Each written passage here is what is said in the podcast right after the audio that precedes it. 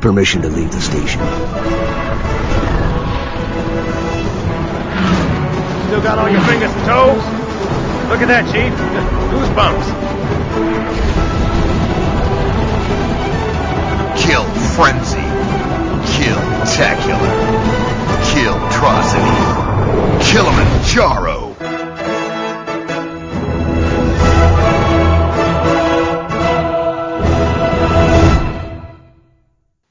Hei og velkommen til Hele Norge Belgkast. Nå er det vel et, så vidt jeg så, så halvannet år siden sist vi har hatt en sånn belgkast, eller podkast, som normale mennesker kaller det. Eh, Det er jo dumt at det blir så lange pauser, men forhåpentligvis så kan vi nå, nå som vi har fått mye nytt å glede oss til, og som vi skal snakke oss om, snakke om snart, skal vi prøve å få til flere podkaster til. Og jeg har allerede én til som jeg har planlagt i løpet av sommeren, så jeg håper å få til det. Men først i dag så skal jeg presentere panelet som er med meg. Jeg er jo da Øby, for de som ikke har sett det allerede på Hele Norge. Når du var inne og klikket dere inn på podkasten. Med meg har jeg to personer. Først Nikolai Vakalin. Kan du fortelle, hello. litt, om fortelle litt om deg selv, Nico? Ja, jeg er 24 år gammel, nordmann, bosatt i Berlin akkurat nå. Eh, spilte en del eh, på turneringssiden, eh, hovedsakelig Halo 2, og ble litt sånn uh, bakoverrekruttert til Halo 1 derifra. Um, og det er hovedsakelig de to spillene jeg har mest eh, erfaring med. Da. Så har jeg også spilt uh, både 3 og 4 og Reach og litt sånn litt mer uh, avslappet forhold til de spillene, da. Mm. Riktig. Så det er deg. Du er jo da, man, dere hørte, en slags utenrikskorrespondent der nede i Berlin, men uh, like fullt med. Forhåpentligvis med også til, til høsten. Dere har jo allerede Xbox One, dere, så det er jo bare luksus. I tillegg til Nico, som, eller Vakka, som jeg pleide å kalle han før iallfall, så har jeg med oss eh, Jonas Moren, bedre kjent som Secture antageligvis, på Hele Norge-forumet og på hele, for Hele Norge-folk. Som bl.a. hadde ansvar for Topp 10 før. Du, du kan fortelle litt om deg sjøl, du òg.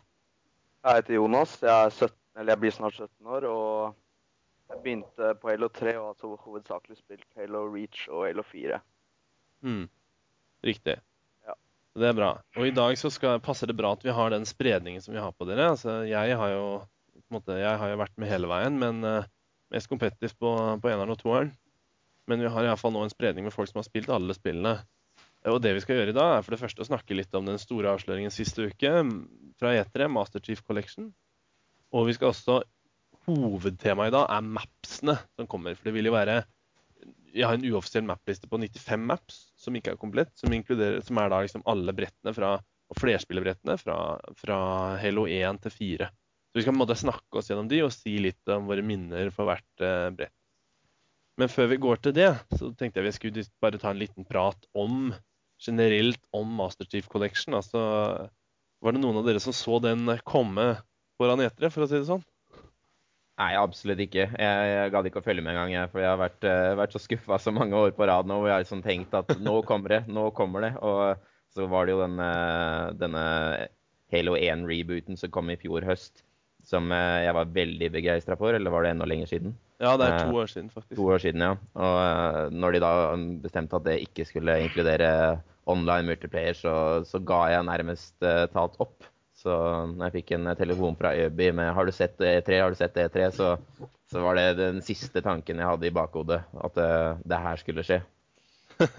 Hva med deg, Jonas? Eh, Jeg hadde faktisk sett en video på YouTube med, med de ryktene om det her, da, så jeg visste faktisk litt om det. Jeg hadde jo forhåpninger, men jeg trodde faktisk ikke det kom til å skje. For Uh, Nei, jeg husker jo ryktene også. Ja, Jeg husker jeg var usikker på om jeg skulle rapportere de på hele Norge, for jeg tenkte de virket så useriøse. Men så, ja, ja. så var det veldig gode kilder, eh, så jeg rapporterte de. Og så tenkte jeg ikke så veldig mye mer over det. Og i og med som Nico sa, den der Halo 1-rebooten som var så dårlig, så var jeg også Hadde ingen forventninger. Jeg, hadde, jeg, jeg trodde på Halo 2 Anniversary, det var jeg helt sikker på. At du skulle det- få alle. Det var jeg også sikker på. At du skulle få alle, det var eh, Ja. Ja. Men hva, hva tenker dere nå når vi har fått høre det? Hva er, dere, måte, hva var de, hva er deres umiddelbare tanker nå når dere har fått synke inn litt? Vi kan begynne med deg, Jonas, eksempel. Ja, det, det må jo bli bra. Det, jeg har ikke- akkurat spilt så mye Halo 2, men jeg har jo hørt mye. eh, Og det skal jo være veldig bra. Jeg gleder meg jo å kjøpe Xbox One og få spilt noe annet enn Halo Reach Halo 4. For det Ja. er ikke akkurat Hva med deg, Nico? Nei, for meg så er liksom entusiasmen helt tilbake for fullt. Jeg har liksom falt litt fra. Har liksom funnet meg et annet kosespill som jeg liksom eh, ikke trenger å følge med på nye generasjonskonsoller og bruke mye penger og tid på det osv. Ja, Men nå, eh? Ja, men nå er det, nå er det ikke det sjans. Jeg kan ikke la være å kjøpe meg Xbox One nå som det her er annonsert. Det, det, det er bare rett tilbake på matchmaking og rett tilbake på scrimming. og eh, Det var som Det er fortsatt 2006, eller når, når det var vi holdt på oss for fullt. Ja, det føles, det føles ti år yngre. Tenk at det er ti år siden toeren kom ut nå i høst. Husker Ja, det som var i går. Men uh, jeg jo tenker jo også det En ting som jeg syns er veldig viktig, da, som er på en måte uavhengig av hvor hyped man blir av liksom, at det kommer tilbake, er også det at, eh, at, at spillene ikke dør. Altså, for sånn det så ut, i og med at det ikke er noe back compound, så så det ut som ting skulle bare forsvinne. Altså når 360-en etter hvert hadde dødd og gamepads på den og sånn hadde blitt vanskelig å få tak i, litt sånn situasjonen er med den originale Xboxen nå, så ville jo spillene forsvunnet, da. Jeg husker jeg var veldig skuffa over det at det ikke var back on pat. Og det her er jo en fin måte i hvert fall for de som spiller Halo, da, til å sørge for at ting ikke forsvinner helt. Det er nemlig. Få alt digitalisert, få alt eh, lagra for eh, nye verden som kommer, og passe på at eh, ting som BXR ikke blir glemt forgjeves. Ja, og så er det også litt det med, med på en måte at hvis man skal ta spill seriøst som kultur, da, så kan det ikke liksom være sånn at det forsvinner etter ti år. Nei, nemlig. Bøker blir jo lest i, i årtier og årtier etterpå. Og sånn funker det jo på PCs. da. Jeg syns iallfall det er veldig viktig, også, men selvfølgelig er jeg jo superhype på Halo 2 og Halo 1. Så. Men, men hva, hva kommer dere til å spille? Eh, Jonas, eksempel? Eh, Kommer du til å holde deg til Halo 3 og 4, eller? Nei, jeg tror ikke det, for jeg tror de fleste andre kommer til å spille Halo 2, og da gidder jeg ikke å være den ene duden som sitter og spiller Halo 3. Nei, det er forståelig. Ja, og jeg, jeg har jo sett litt på Halo 2 gameplays og sånn, og det ser jo fryktelig morsomt ut.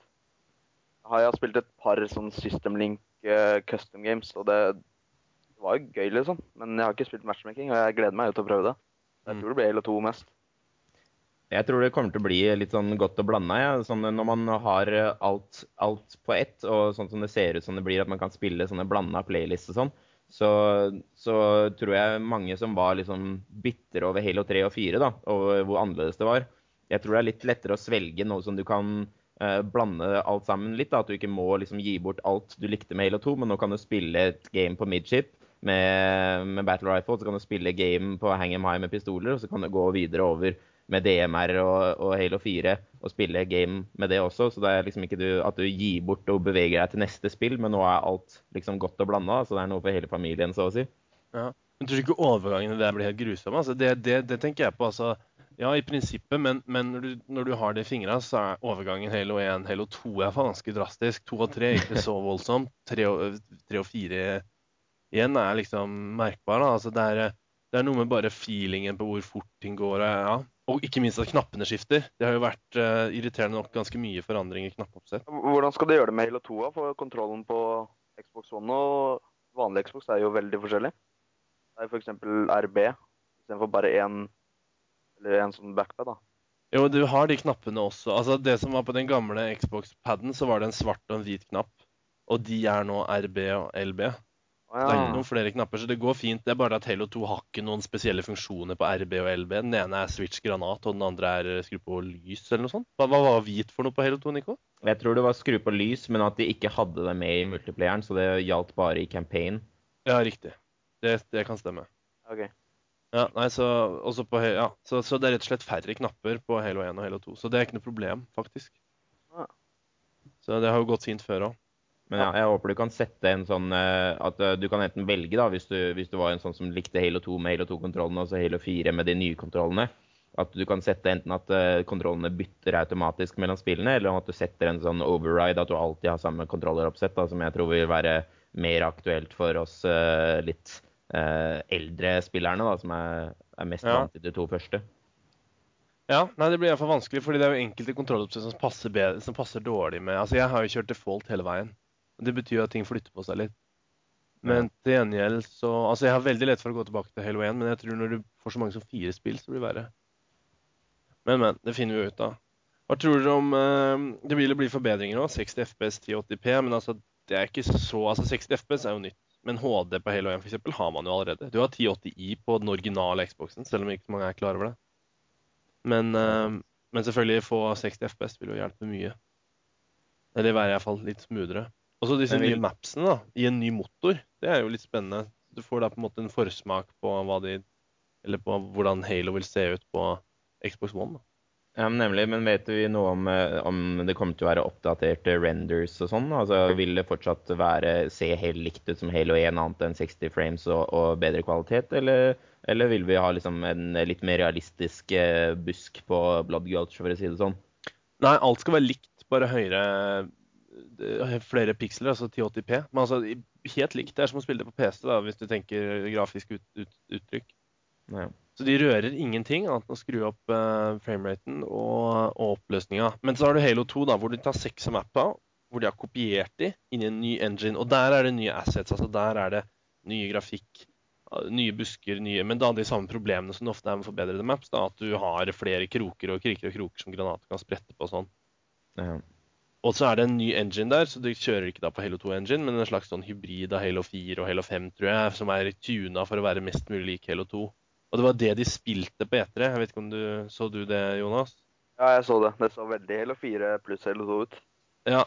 Så det var liksom, det var dual wheel, det var Det virka og måten sniperen skjøt sånn derimot, var litt mer sånn Halo 4-aktig. Ja, og hitboxen òg. Og hitboxen også? Ja, den så veldig Halo 4 ut. Ja, OK. Så jeg tipper at det er liksom en, en skikkelig steroide Halo 4-versjon som de har prøvd å tune. Altså litt sånn som de kanskje prøvde med Halo 1-rebooten, da, som ikke gikk så bra. Mm. Jeg tror også at folk kommer til å spille Halo 2. Mye også for, for det første fordi det er det det har veldig mye goodwill rundt seg, det spillet. Altså, Alle hatet jo den å komme ut, men det tror jeg egentlig alle fant ut til slutt at var ganske bra. Ja. Uh, mens hatet mot treeren og fireren var på en måte der gjennom hele. Eh, eh, og det var jo under treeren flest mange folk dro. Forsvant. Så Ja. jeg, jeg tror det er toeren og kanskje treeren som vi har mest nostalgi. Og så er jo toeren da liksom Det er jo den som har jubileum, og jeg tror det også faktisk har litt å si. Ja. Men OK. Um, men uh, hva med Hvilke spill kommer dere, dere til å spille? Dere hadde jo nå sagt at dere kom til å ha Du ville prøve Halo 2, men Nico, hva har du eh, Eller Sector, du sa at du ville holde deg til Halo 2 3, kanskje? Nico, du ville prøve alt? Det, altså, jeg kommer jo nok til å, til å kjøre noen runder med alt, men det er ikke til å legge skjul på at, eh, at det er to og én som, eh, som gjør meg varm i hjerterota. Ja. men, Ja. eh, men det er jo altså spill som jeg ikke ga veldig mye tid inn i. Da. Sånn Halo 3 tror jeg ikke jeg kommer til å, til å frivillig bruke altfor mye tid på. For det var, uten å slenge for mye skit om det spillet, da, ettersom det er jo folk som liker det òg, så, så var det veldig lite av det jeg ville ha, og veldig mye av ting jeg ikke nødvendigvis uh, trengte.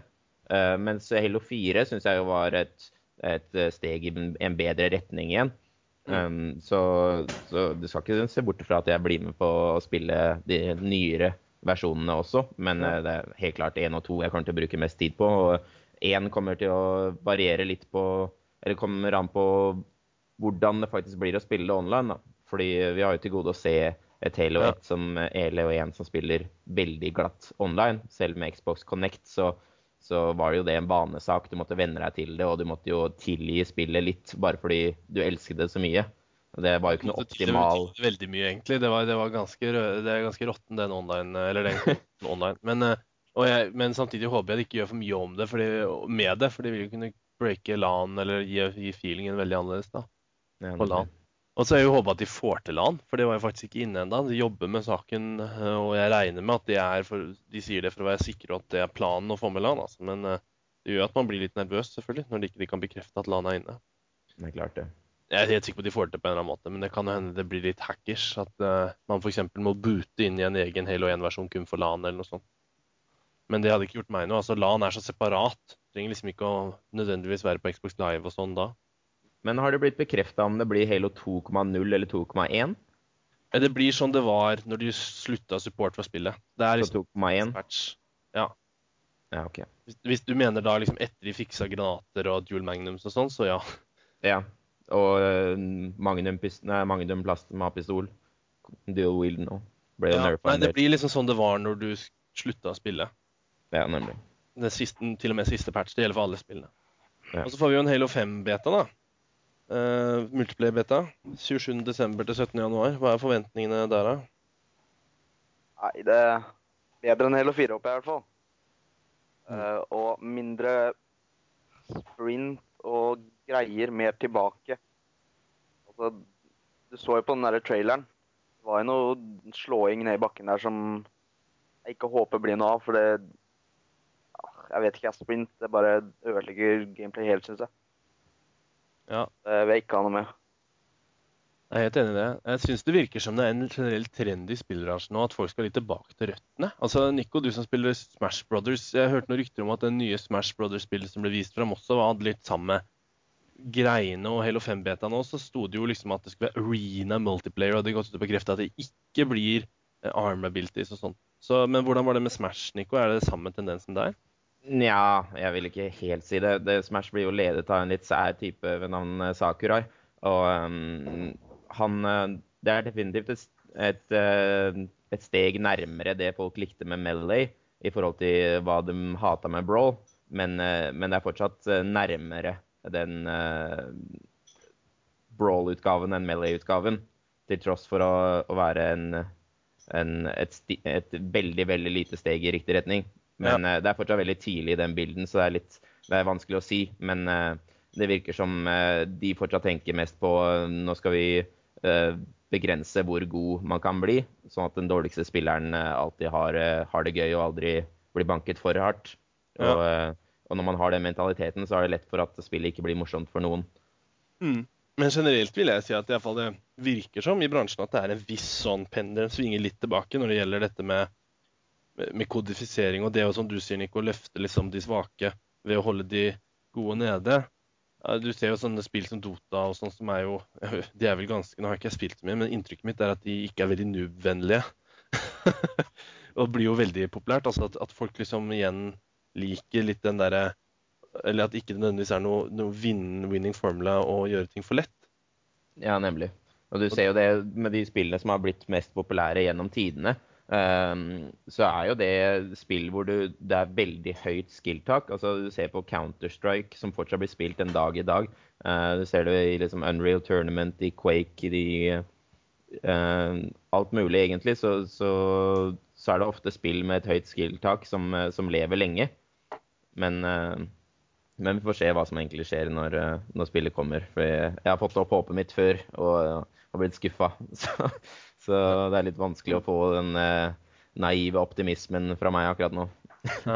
Ja, merker, Bortsett fra med den pakka her. Ja, nei, jeg merker det at, um, at det at jeg nettopp rett og slett ikke hadde noen forventninger foran etere, annet enn det som alle visste, nemlig Anniversary, så gjorde du jo ting veldig bra. Det var mye mm. hyggeligere istedenfor å sitte og, og, være litt sånn oppgitt, som man har vært de siste fire-fem årene. Ja, det er helt klart. Um, jeg glemte forresten, ser jeg nå her, at jeg glemte å si hvilket spill jeg kommer til å spille når, når, dette her kommer ut. Og det er jo kanskje ikke overraskende mye Halo 1, men, uh, men altså, det jeg tenker òg, er at jeg vil spille Halo 1 for én mot én, free for all to mot to. Men fire mot fire, da, da, heller jeg faktisk litt med Halo 2, altså. Jeg syns, uh, syns uh, Selv om det er morsomt å spille Halo 1 fire mot fire, så vil jeg si at Halo 2 er bedre fire mot fire. Jeg vet ikke om dere er enig i det? Eller Nico kanskje er den som har mest å ja. Jeg, jeg, jeg, er helt enig, egentlig. Altså, Fire mot fire i Halo 1 kan være kjempegøy, men det kan også være en forferdelig frustrerende opplevelse. Uh, og, ja. uh, og, spesielt på visse maps så, så, um, så, blir det litt sånn kaos, og granatene er så sterke, og, og mm. Og det største, største problemet syns jeg ofte og Beklager jeg avbrøt, men det største problemet synes jeg ofte er at uh, gametypene ikke er polerte. Altså at King of the Hills og flytte hillen seg random. Du vet ikke helt når mappet Det er ikke alltid han sier fra når flagget er tatt. Det er en del sånne greier. Det er ikke så lett å følge med på scoren. Det er en del sånne ting som gjør det mye vans litt sånn vanskeligere. En sånn, ja, de gametypene er litt sånn upolerte. Plutselig har noen planta et eller annet. ikke sant? Altså, Hele ja. to er mye ryddigere der. Og det er ikke noe X på teammaten din, så det er litt mer sånn klønete generelt. Ja. Men, uh, så jeg også tenker at én uh, mot én så er jo helt klart Halo 1 det ultimate én mot én-spillet. For ikke å snakke um, om to on to. Ja, og to on to er også magisk i Halo 1. Men uh, også jeg merka at du ga FFA til Halo 1, så vil jeg faktisk ja. helt nesten mer mot Halo 2 med FFA. Vi kan uh, si eh, uavgjort hvis det Ja, det er, det er lov, det også. Men, ja. uh, men Halo det 2 er Det er veldig forskjellig, føler jeg. FFA og Halo 2 er helt enig. Veldig ja. bra. Funker kjempebra. Men det, er, men det er litt morsomt, fordi hvis du sammenligner liksom FFA Halo 1 på Derelict med FFA Halo 2 på Midship, så er det liksom bare to forskjellige spill. Altså. Det er Det er ganske fascinerende. Det er en veldig annen måte å spille det på, men begge to er dritbra. Så det er jeg enig i. Så det er, det er en, en draw. Ja, altså Halo 1 FFA så er det veldig an på å, få det siste skuddet når du trenger det.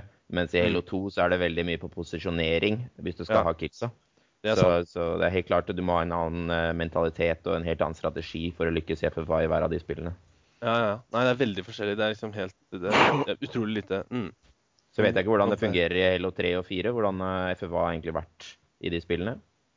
Eh, I Halo 4 så er FFA Det er ikke veldig bra, for eh, de har brukt eh, Simplex som FFA og Sponsa der er veldig dårlig og Maps og spawns har vel generelt vært et problem med FFA på treeren og fireren. Treeren så fikk du etter hvert Ja, midship, men ja Midship eller Heretic FFA er jo veldig bra, syns jeg i hvert fall.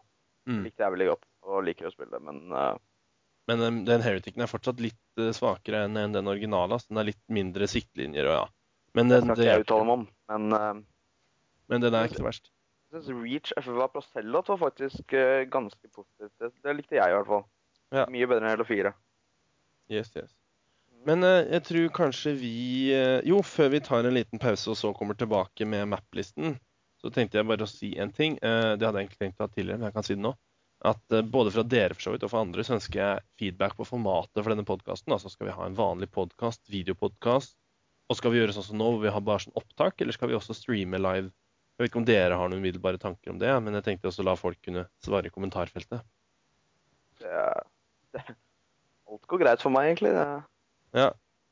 Stream er veldig in, men jeg føler også det er noe litt digg med å kunne høre på ting på mobilen på vei til jobb eller noe. Men ja, ja. Nei, jeg vet ikke, jeg. Det andre svarer på. ja. Nico, Ja, du altså- sluker jo mye podkast.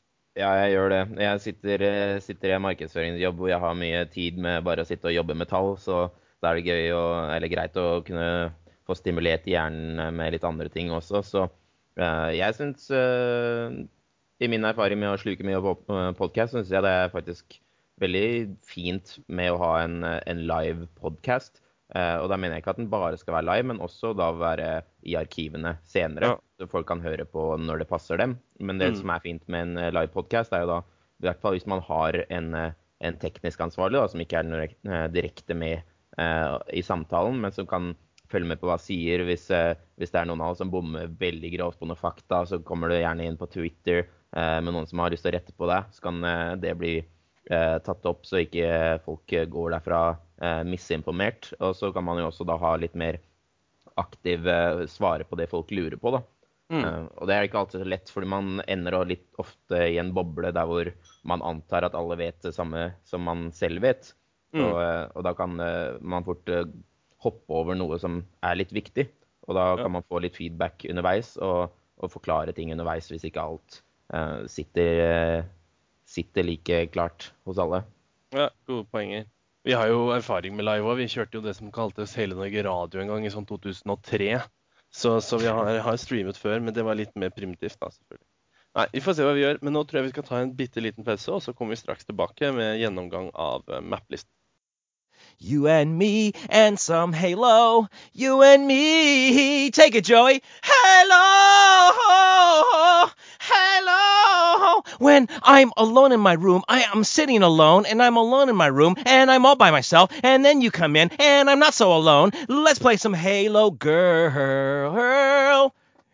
The Halo Boys soundtrack album with Girl, Girl, I Love You, Girl, Girl, It's Okay, Girl, Girl, It's Over, Girl, There's Gotta Be Much More, Girl, Come Back, Girl, I Like Boys. The Halo Boy Band. That's enough. Make a choice and get out. Ja, hei og velkommen tilbake. Da skal vi ta en titt på det som er dagens hovedtema, nemlig alle maps i spillene som kommer i Master Chief Collection og i høst. Det er jo da 14. november forresten i Norge, ikke 11. som i USA, så vi venter et par dager ekstra. Litt dust, særlig med tanke på at Halo 2 jo ble lansert 9. november i USA, 11. i Europa. Så det å lansere det bare i USA 11. november, det gir ikke mening. Men det får vel ligge. dust, Men også litt typisk. Ja, litt dust, litt typisk, og det kan vi leve med. Det var, så lenge det ikke er et år, så. Ja. Men i alle fall, nå eh, skal vi dra oss gjennom mapplisten og bare et par sånn caveats eller uh, obs. Det er en uoffisiell mappliste. Den er, så vidt jeg kan se, rimelig komplett. Kan hende det mangler noe. Og det som i hvert fall mangler, er disse, disse oppussede versjonene av Halo-mapsene, de seks oppussede Halo 2-mapsene, altså, de vet man vel bare et par av foreløpig. Vi vet ikke hvem alle er, og jeg, det er en eller to av de i den listen her, men jeg kommer til å hoppe over de. Så nå skal vi gå gjennom rett og slett alle brett som vi vet vi får, men det er mulig det mangler noen. OK. Så vi begynner da rett og slett fra starten, og dere har jo begge to nå sitter med samme liste som jeg har, med bilder, sånn at du skal friske opp eh, minnet. Og vi begynner med Halo 1, hvor det første Halo 1, også Halo Combat Evolved, og hvor det første brettet som er her, er Battle Creek. Gode gamle. Ja. Så andre spillere vil jo kjenne dette igjen fra toeren og treeren nå, vel? Eller åssen er det, Jonas? Hello, Reach. Reach er det, hvor vi har eh, det som Beaver Creek, regner jeg med. Så det var det jeg fant det het i toeren. Mm, ja. Beaver Creek, ja. Men iallfall den originale Battle Creek til Halo 1 er jo en, en klassiker og et brett som blir spilt utrolig mye. Alt fra to mot to Slayer til uh, det CTF. Jeg personlig har mye gode minner her. Mye horing av Rocky, som sikkert Nico eh, kan, kan testamentere. Ja, du er en power-up power ord uten like på den banen her. Men uh, jeg husker også Det her er min første uh, introduksjon til eh, Halo på turneringsnivå. Uh, var eh, Halo NM, som det ble kalt, og arrangert av Microsoft. Så var jeg der med to venner som var litt mer eh, introdusert i Xbox-verdenen enn meg. Og, Ja, det, eh, da er vi tilbake i mai 2003. Ja, og jeg tror jeg alle, alle kampene ble spilt på den banen her, eller alle jeg så i hvert fall. Alle til sluttspillet, ja. Så gikk de over til Hangem. Mm. Ja. Nei, så det er et, et map vi gleder oss til, og det er jo eh, Og det er også en ordentlig Halo-klassiker. Ja, sånn nest- nesten symmetrisk. Ja. Slags symmetrisk. To baser en, elv med en, en, en stein over, men ja. Det er eh, mye gode minner. Mm. Og neste, neste på listen er jo ikke noe særlig mindre klassiker heller. Blood Gulch. Eh, Det nå har jo kommet igjen. I hvert fall i, i treeren. mener jeg. Ja, og i toeren. Ikke på Halo 3, men på Halo Reach igjen. Ja, Halo Reach igjen. Ja, jeg blander tydeligvis. Ja. Dette her var jo liksom brettet alle spilte på XPC og, og satt i Ja. timevis og prøvde å spille Capture the Flag. Åtte mot åtte. Ja, eller to mot to har jeg sett. Ja. Det er rett og slett et enormt stort Altså, det, det er jo mye Det er jo et enormt stort uh, bolle med to baser i, som det er bare å, å kjøre på. Jeg vet ikke hvor mange De lengste games jeg har spilt Halo, har vært på det brettet her. ja. Det er flere timer eh, på enkeltgames som eh, bare aldri tar slutt. På. Ja, nemlig. Vi har opplevd uh, På Exotic-land tror jeg, så var det vel et sånt game som gikk tre-fire timer over natta. Ja, jeg husker vi satt og spilte det, og det var flere spillere som, som ble så sultne at de måtte bytte med andre spillere. Eh, Ja. som, eh, som ikke hadde samme kontrollersettings, men som måtte bare finne seg i det, Oh. siden man ikke kan bytte oh, ja. underveis i Halo 1. Jeg måtte spille Damiens Invert. Men det gikk fint. da kunne spille sniper, fordi den banen er så flat, så jeg kunne jo ta kontrollen sidelengs. da, Men det var helt crazy. Jeg fikk flere kills da med sniping på Invert. Men uh, det var uh, grusomt. Har du noe minner? Har, har du i det hele tatt spilt disse banene, Jonas, eller? På Halo 1? Har du Eh, prøvd det? Ja, jeg har ja, Er ikke det manna på Halo 2 òg? Jo, det, det stemmer. Coagulation, tror jeg den heter. Ja, jeg har spilt den litt på Halo 2 og en del på Reach. Og jeg tror det er den dårligste banen jeg noen gang har spilt på Reach. Jeg hater den helt forferdelig mye, men Ja, på Reach er den nok ikke ja, særlig bra. Reach er den kjempedårlig. Men jeg har ikke noe minne fra Halo 1. Bitte litt på Halo 2. Litt mer med men. Det, Men det er også en, en bane som, som lider av de mer moderne motorene. Eh, den, den kommer til sitt sanne S eh, i Halo 1 takket være pistolen og at du kan bruke den på alle avstander og fortsatt være effektiv. I Halo 2, eh, og også da regner jeg med de nyere spillerne, så, så kan det fort bli en veldig kjedelig bane, siden det er bare sniperen som egentlig kan eh, gjøre noe skade på lang avstand.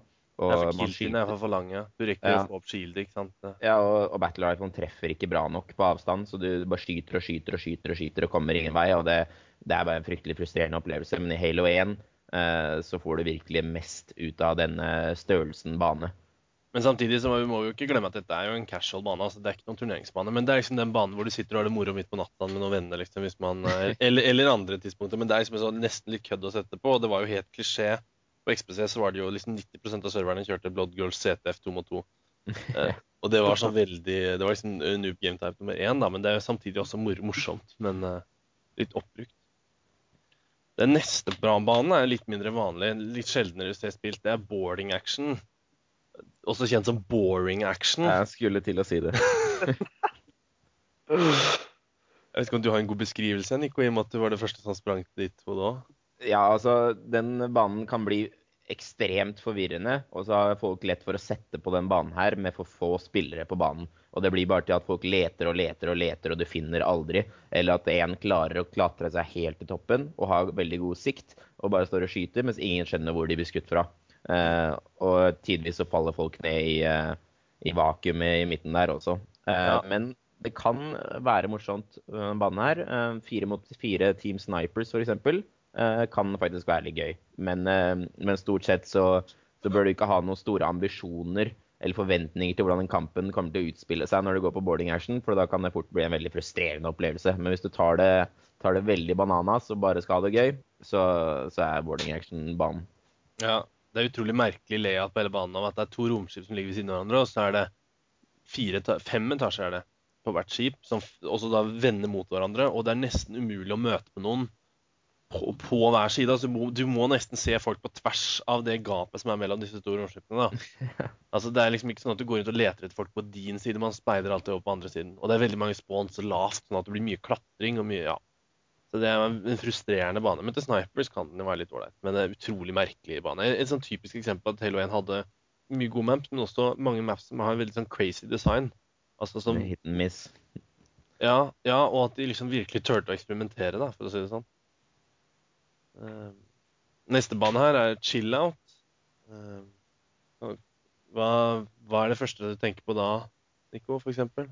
Jeg tenker på Sayen med no scopes oppi gangen eh, på toppen der. Eh, noen klassiske turneringsminner. Eh, men det er, det er Halo 1 på sitt beste. Chill-out er så gøy. Og vil, vi kaller det Halo 1s svar på Halo 2s lockout. Eh, Litt sånn eh, statisk eh, bane i det at man har lyst til å kontrollere spesifikke rom. Og, og sette opp et slags forsvar der med forhåpentligvis en, en slags formasjon. Um, men så blir det ofte litt kaos, og så fungerer ikke ting alltid helt som planlagt. Men utrolig gøy. Får det meste ut av alle spillmekanikkene i, i Halo 1. Alt fra sniping, noscope sniping, eh, double melee, shotgun er gøy og effektivt på de fleste avstander. Plasmarifla kommer til sin rette. Um, er generelt bare Ja, en, en magisk siste- bane. Særlig det siste styret. Jeg synes det er viktig at, at, at en, en av de få banene hvor jeg føler du kan bruke alle, veldig mange våpen. Det, det er en av de få banene hos meg Halo 1 hvor jeg hender, hender stadig vekk at jeg ikke tar At jeg altså, kaster pistolen. Ja, nemlig. Det, det er veldig sjelden det jeg gjør. Men det er chill at det er den ene banen, føler jeg, hvor det går an. Og jeg tror også at den banen her er litt av det, den, eh, den galskapen vi beskrev med boarding action. At eh, de liksom kasta litt forskjellige ting eh, bare på der, og så ble det som et slags eh, abstrakt kunstverk som bare fungerer for alle. Og eh, det, Jeg har møtt svært få mennesker som ikke liker den banen her etter å ha spilt den et par ganger. Helt i starten skal den være litt forvirrende. Halo 1 lider litt av, av at veldig mye, eller veldig store deler av banen er farget helt likt. Så helt i starten så kan det være litt forvirrende, men så fort du har spilt fem-seks kamper her, så, så eh, kjennes det som hjemmebane for alle og enhver, tror jeg. Jonas, denne er jeg rimelig sikker på at var i Halo 3. Ja, den var i Halo 3. Um, den er ikke bra i Halo 3. Nei, det var det jeg visste. Det er for lang kill-tid, tenker jeg. Eh, Den, ja. Eh, Det blir veldig mye camping. Hvis du, hvis du spåner på snipe på den her, så blir det at du står med kammo og snipe og venter på at Team Rocket og OS skal pushe. Og så Det blir bare stalemate hele gamet. Mm. Der hadde Den- fordelen på eneren med litt kraftigere nades, da, som gjorde at du nesten kunne rense alle rom. Ja, det, det kan du ikke på å 3, så den, den blir veldig kjedelig.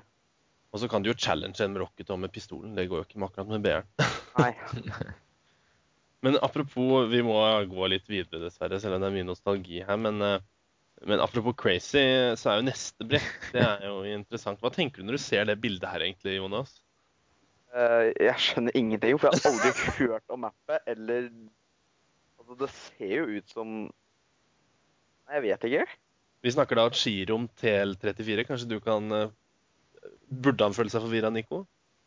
Ja, jeg har eh, altså spilt eh, Halo 1 i over ti år nå, og jeg skjønner fortsatt ikke noe som helst av den banen her. Jeg er overbevist av at noen tok litt for mye LSD når de lagde den banen her, altså. Det, den gir ikke mål og mening, og jeg skjønner ikke hvilken gametype den er lagd for. Eh, om den er for lagspill eller enkeltspill eller den det, Ja.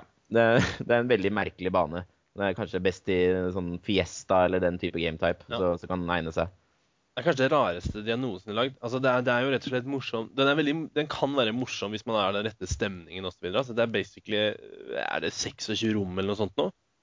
Med, med, med portaler til og fra alle rom. Altså, det er ingen, ingen ganger, egentlig. Eller noen rom er jo rett, rett og slett en gang, men det er alltid en portal. Du, kan, du må aldri gå mer enn ti sekunder før du er gjennom en ny portal. Det er sånn 100 portaler eller noe sånt nå. Ja, jeg, ser, er jeg, jeg googla mappet og ser på det nå, og det ser veldig rar, rart ut. Jeg så liksom layouten Leoten ovenifra med alle teleportsa, og det jeg skjønner, ikke, jeg- skjønner ikke helt hensikten med mappet. Nei, Det gjør jeg ikke. Det er, det, men den funker liksom Altså, det er, det er en sånn ting du kan spille moro gametypes på, rett og slett. Ja, det Det skjer utrolig mye lætt i situasjonen, men det er veldig merkelig. Til og med radaren skjønner ikke hva som skjer på den banen her. Nei, fordi det er for stor avstand mellom rommene. For du kan tenke at de ligger liksom veldig De ligger faktisk ganske langt fra hverandre i, liksom, i løse lufta, og noen litt over hverandre og sånn, og så er det portalene som bringer deg mellom dem. Ja. Uh, så ja. Men vi får gå til neste, da, som er en mer klassiker. Damnation. Meget oh, bra. Damn. Ja, Også, jeg- ja, fortsett. Ja, det, bare nostalgi renner over meg når jeg ser den banen her. Og bare tenker på alle gangene noen har gått løpt der nede, som du ser på, eller vi ser på bildet, da, med overshielden, og skal kaste en, legger ut link så alle kan se de samme bildene som oss. Ja, ja. og, og kaster en granat, og, og tenker de skal eh, bare hoppe over og ta en rocket også, og så treffer de granaten litt feil og bare faller ned til, eh, til ingenting og har brent bort en uh, overshield og må sitte 15 sekunder i respawn. Og, ja, mye, mye moro med den banen her. Ja, og denne har jo også vært remaket, faktisk. Husker ikke hvilket Det er, det er Reach da på Halo 1. Og den, den spilte faktisk veldig bra. Den var i settingsa helt på slutten. Ja, stemmer det. Ja, Den- ja den riktig. Den var i den Halo 1, altså i den der anniversary-pakka Ja, med maps. Det var ja. jo den og Beaver Creek og noen andre som jeg ikke ak akkurat nå husker. Men Ja. den spilte faktisk bra og var et bra map på Ja. Reach også. Det er vel kanskje det eneste av de mapsene som funket noe særlig på Reach-motoren. Eh, Beaver Creek funka også ganske greit. Ja, det er sant. Den var også MG. Ja. Med Hill. Ja, riktig. Nei, for denne her, her er jo liksom På Halo 1 så var jo Damnation utrolig bra i den forstand at jeg følte du kunne spille nesten alle gametypes her. Altså, det, funket bra til Hill. Eh, Flagg funket ikke, med mindre du tok sånn snu altså det, det gikk an å ta sånn flagg annenhver vei. Det hadde de på MLG. At du spilte først 15 minutter ene veien, så 15 One flag? veien. For ja, ja, det fantes ikke one flags. Du måtte spille two flags, men i realiteten var det one flag. Ok. Fordi det var helt åpenbart hvem som måtte angripe Forsvaret. Altså Hvis folk var skikkelig dårlige, så kunne du jo skåre også gæren vei. da. Så sånn sett så var det litt morsomt, for hvis du liksom virkelig dominerte noen, så det beste måten å vise det på, var å skåre et flagg gæren vei. Og så la man sammen resultatet litt som i fotballkamper, altså du spiller to kamper. Ja, det blir litt sånn hjemme- og borteoppgjør. Jepp. Så det funket. Så både flagg øh, og, og, og, og hill, også, som vi har nevnt, og så ball funket ganske bra. Og så spilte de en sånn veldig spesiell ball-variant som det ikke går an å gjenskape siden, som heter eh, reverse tag, som også funker bra her. Som er en slags sånn sista-variant, nesten. Vanskelig å beskrive, skal ikke bruke tid på det. Og selvfølgelig Team Slayer funket uh, meget bra. Så det er sånn virkelig allsidig map, da. Uh, og veldig sånn ja, strategisk og veldig avhengig av å pushe sammen og Det er en av de få bretta kanskje på Halo 1 hvor, hvor 4 on 4 faktisk er veldig bra. Eh, vet du hva du tenker, Nico?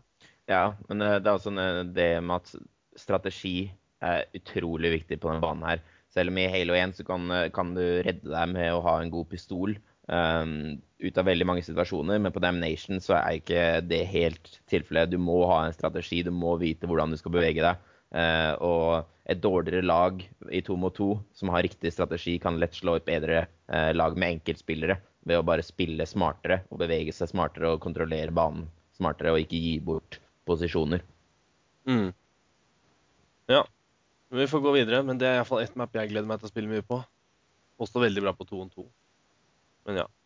Neste på listen her, da. Nå begynner vi på noen Nå er det et par eh, Halo PC-maps. da. Uh, Halo 1 PC-maps. Det er fortsatt Halo 1, men da PC-versjonen. Som vi nå for første gang får spille på Xbox, iallfall offisielt. Uh, og det første av de er da Danger Canyon. Uh, på det bildet er litt sånn misvisende, fordi man ikke ser helt, kan jeg forklare dere iallfall. Og dere eventuelt som klikker på linken i beskrivelsen til podkasten. Så, dere, så du ser, dere ser at i, lengst unna der så er det en sti opp. Ser dere det? Mm. Og den stien går liksom inn til en base. Så bak der, liksom over en liten bakketopp, så er det en base. Og tilsvarende på andre siden. Så det er der lagenes baser er. Og inni det fjellet da, som vi har på høyre hånd, så er det en, et indre hulesystem med et stort felles rom og sånn. Så banen er en god del større enn det ser ut her. Det uteområdet her er på en måte veldig lite aktivitet på. Det er egentlig bare en sånn midtbaneområde, litt som midten av Blood Gulch, hvor du kanskje har en sniper ute og, og sånn, men det er egentlig inne der, pluss i basene, det meste skjer. Så er dette her en bane som man kan spille to mot to på, eller er det eksplisitt fire mot fire eller åtte mot åtte?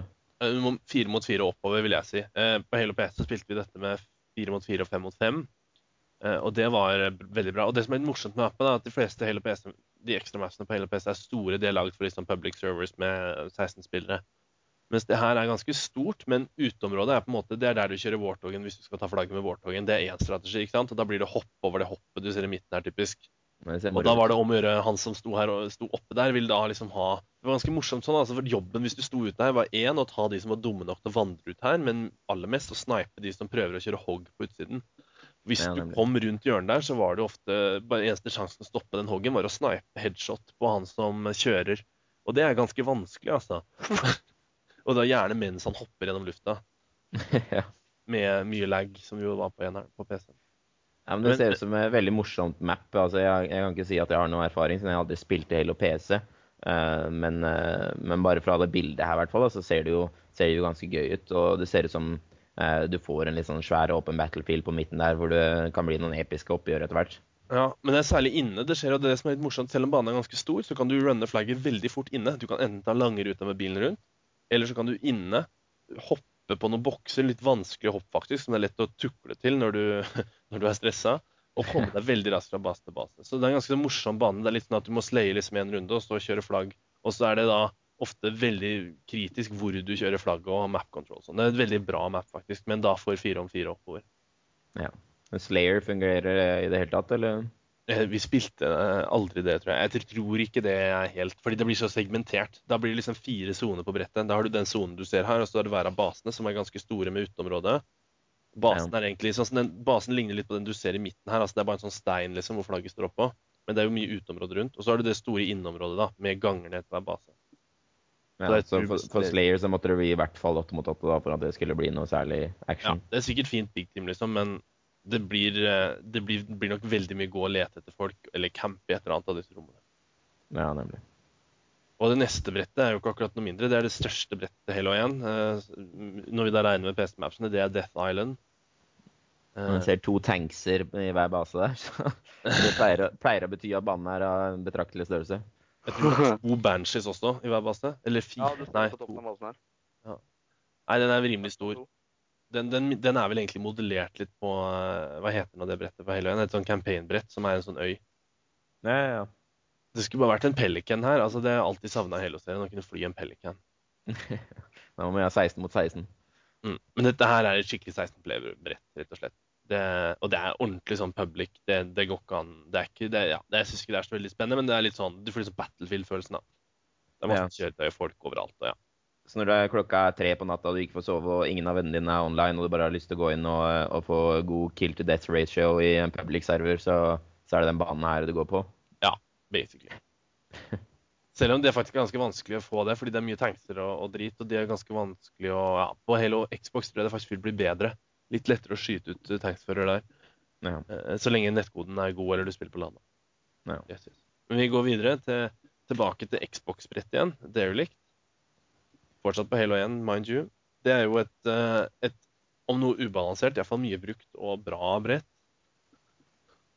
Utrolig morsomt brett. Eh, ikke bare det at det minner meg om eh, Zoolander, men eh, også eh, bare minner Eneste negative jeg egentlig har å si om banen, er at den kan være tidvis veldig veldig mørk, så det kan være litt vanskelig å se.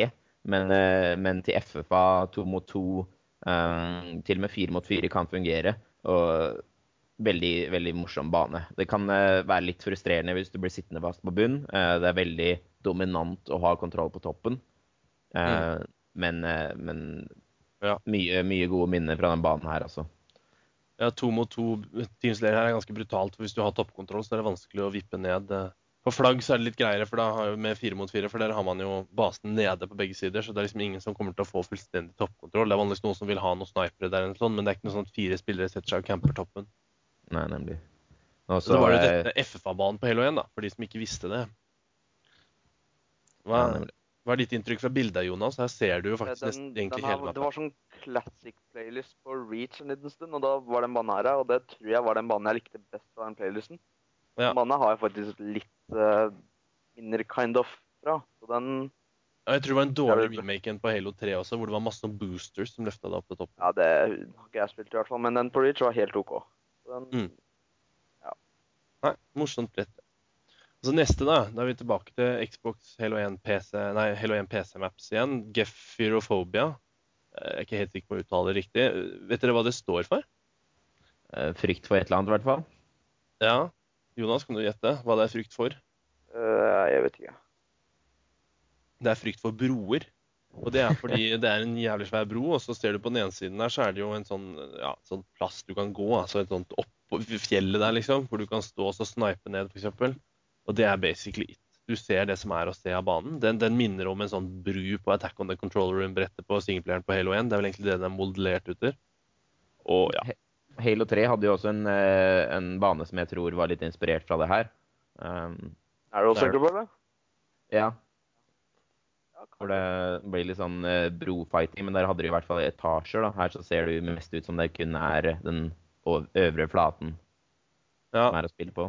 Du har etasjer i, i liksom basesiden, som du ok. ser. Men, men ikke i midten, så vidt jeg husker. Jeg er litt usikker, det er vanskelig å se på bildet. Det er lenge siden jeg har spilt den her, og den var ikke mye spilt på Halo PC sånn. Ikke fordi han var dårlig, jeg, jeg hadde inntrykk av at folk likte den, men det var vel mest en sånn Slayer-bane, og det var, var mye flagg på Halo PC, egentlig. Ja. Eh, det er, og de der sidene hvor du kan stå på der, funker litt dårlig på PC, i og med at det er veldig vanskelig å snipe på de avstandene på PC, men på Xbox burde det gå helt fint. Så jeg gleder meg til å se hvordan den vil funke med, med altså, litt mer fokusert Xbox-spilling. Men vi kan jo gå videre. Neste brett vi har på lista, er Hang 'em High. Et uh, nytt klassiker, virkelig klassiker, som ble brukt uh, Slayer, King Det er bilde av et flagg der, så burde det være flagg òg. Ja, det er litt ubalansert, fordi det er usymmetrisk, og blå base er vesentlig bedre enn rød, men Ja. Ja. Eh, hvis jeg skulle spilt flagg på den banen her, så ville jeg heller hatt eh, one flag. ja, det var det de spilte. De spilte den samme varianten. Altså, Du spiller i prinsippet two flag på MLG, så gjorde de i hvert fall det. Spiller i prinsippet two flag, og så bytter du etter et kvarter. Men det er en fantastisk bane. Kjempegøy. To mot to, fire mot fire. Um, you name it. Til og med objectives kan være moro på den banen her. Eh, det er her du virkelig får trent opp pistolen din. Eh, hvis du har en fryktelig dårlig pistol på den, eh, og du spiller den banen her, så, er det her det ofte skinner gjennom veldig sterkt. Mm. Og det her er jo Det er kanskje ikke så lett å se av bildet, men det er en ganske så stor bane. altså Avstanden flagg til flagg er ganske stor. Disse piggene man ser der, er jo høyere enn en spiller. Det sier jo litt om skalaen, da. Og, og du, ja, du får mye langdistansepistolfights. Og det er også veldig mye med kontroll og posisjonering, ekstremt viktig. Også veldig mye spawn-kontrollering. Du kan gjøre utrolig mye med spawns på det brettet her. Og i tillegg så kan du jo fra nærmest hvor som helst på banen eh, kaste en granat og skaffe deg en power-up. Yep. Så- Eller power weapon. eh, Ja, så i forhold til derelict, da, hvor du, hvis du er nede, så sliter du veldig. Så, så føler jeg at du har litt mer eh, verktøy eh, å stri med for å klatre deg opp igjen på den mannen her. da. At eh, Ja. du føler deg ikke like fanga. Selv om eh, det kan være øyeblikk i en kamp hvor man mister fem-seks drakestocks eh, ved, ved å ha noen uheldige spons, og det andre laget har en god setup. Så, Stocks, faktisk. Du har spilt for mye Smash. Altså. ja, liv. Nei, det er veldig bra en. Vi går videre. Neste er Icefields, også et Halo 1 PC-map. Eh, litt spesielt map. Det vi ser på bildet her, er midten av banen. Her har du også en, en ganske stor base på hver side. altså Måten man kommer til basen Man kan enten gå over brua eller kjøre da den isveien under her. Så Det er liksom to armer som går da inn til en, en, ganske stort baseområde. En ganske komplisert base òg. Som er liksom bygd opp som to smultringer oppå hverandre med en sånn pigg i midten med flagget på. Det minner meg litt om eh, som om uh, Sidewinder og Waterworks fra Halo 2 hadde en unge.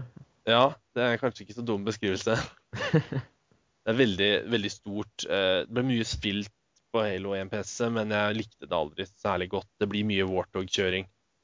Ja. mye om å gjøre å kontrollere warthogene. Passe på ikke miste begge warthogene osv. Ja. Ikke noe Ja. sånt. Men det er fuel rod cannon på brettet, da. Og det er det jo på et par av de PC-brettene. Så jeg håper jo den dukker opp. Altså, det er jo som man ikke hadde på Xbox opprinnelig. Men det var jo mange som eh, også likte den delen av Halo, da, som, eh, som mange av oss turneringsspillere beveget oss litt vekk fra etter hvert. Men det, det å hoppe inn og, og ta med seg en kompis i bilen og eh, ha en episk eh, kamp mot en tanks med en Ghost på laget ditt, og, Ja. og spille den uh, Vico-delen av, av Halo. Uh, så jeg vet ikke, egner den banen her seg til det? For det er jo noen store baner som får det til å bli gøy, og så er det noen store baner som uh, bare får det til å bli en veldig frustrerende og teit opplevelse. Jeg vet ikke Ja. hvor den eh, Icefields faller inn på den skalaen. Når du sier noe der, så tror jeg egentlig at det er kanskje ganske riktig analysert, den, Nico. Fordi den banen her er um, litt sånn som den Danger Canyon, at du kan velge litt. Du er ikke nødt å være i vehicle, og det er heller ikke sånn veldig kronglete å kjøre i vehicle. Altså Som du ser her, så er det noen sånne snipe-områder og sånn på siden her hvor du kan gå uten å kunne bli kjørt på. Eh, så du kan gå til fots, og det er god mulighet for å kjøre. Og det er ikke sånn at det er liksom insta-win hvis du har kommet av gårde et kjøretøy heller. Du kan stoppe. Så det er fuel road cannon midt på brua her. Så hvis du har brukontroll, så er det veldig lett å flippe en bil. Altså, Mm. Det er kanskje det beste våpenet hele veien til å flippe en bil, er denne fuel roaden. Så jeg håper de ikke har fjernet den. Eh, for rocketen er litt mindre sikker, men den fuel roaden så har du jo seks kjappe skudd. Og hver, et enkelt av dem vil vippe bilen over, og da er du vanligvis ferdig, for da kan de fullføre deg med pistolen. Ja, nemlig. Men, men det, så det kan hende det kan funke. Altså, det er sikkert et bra casual map. Eh, Jeg bare minnes at jeg ikke likte det så godt, men altså, det er jo i prinsippet ikke så gærent. Jeg, jeg spilte det jo mye, jeg gjorde jo det. det neste brettet derimot, fram. Infinity, det er drittbane. Det er, det er vel den største som er lagd på Halo 1, kanskje. Det er også- er det en Chiron? Eh, Giroen er for gøy. Det her er bare kjedelig. Det er kjempestort, altfor stort. Og det er ikke åpent nok heller. Altså, det, er på en måte, det her, her er bare en liten, bitte liten flik av brettet. Hvis du tenker på at brettet er en gigantisk åttetall. Og det her er akkurat der åttetallet møtes. Ja, Hmm. Så det er, kjempestort, og det er bare sånn trang valley. Og til fots så er du liksom ganske sjanseløs, og ja. Du får ikke gjort så mye med vehicles, eller iallfall ikke flyene heller. Det er noen banshees der og noe. Ja, det er bare kjempestort. Og som du ser på de teleport-greiene der, du er utrolig utsatt hvis du prøver å gjøre det.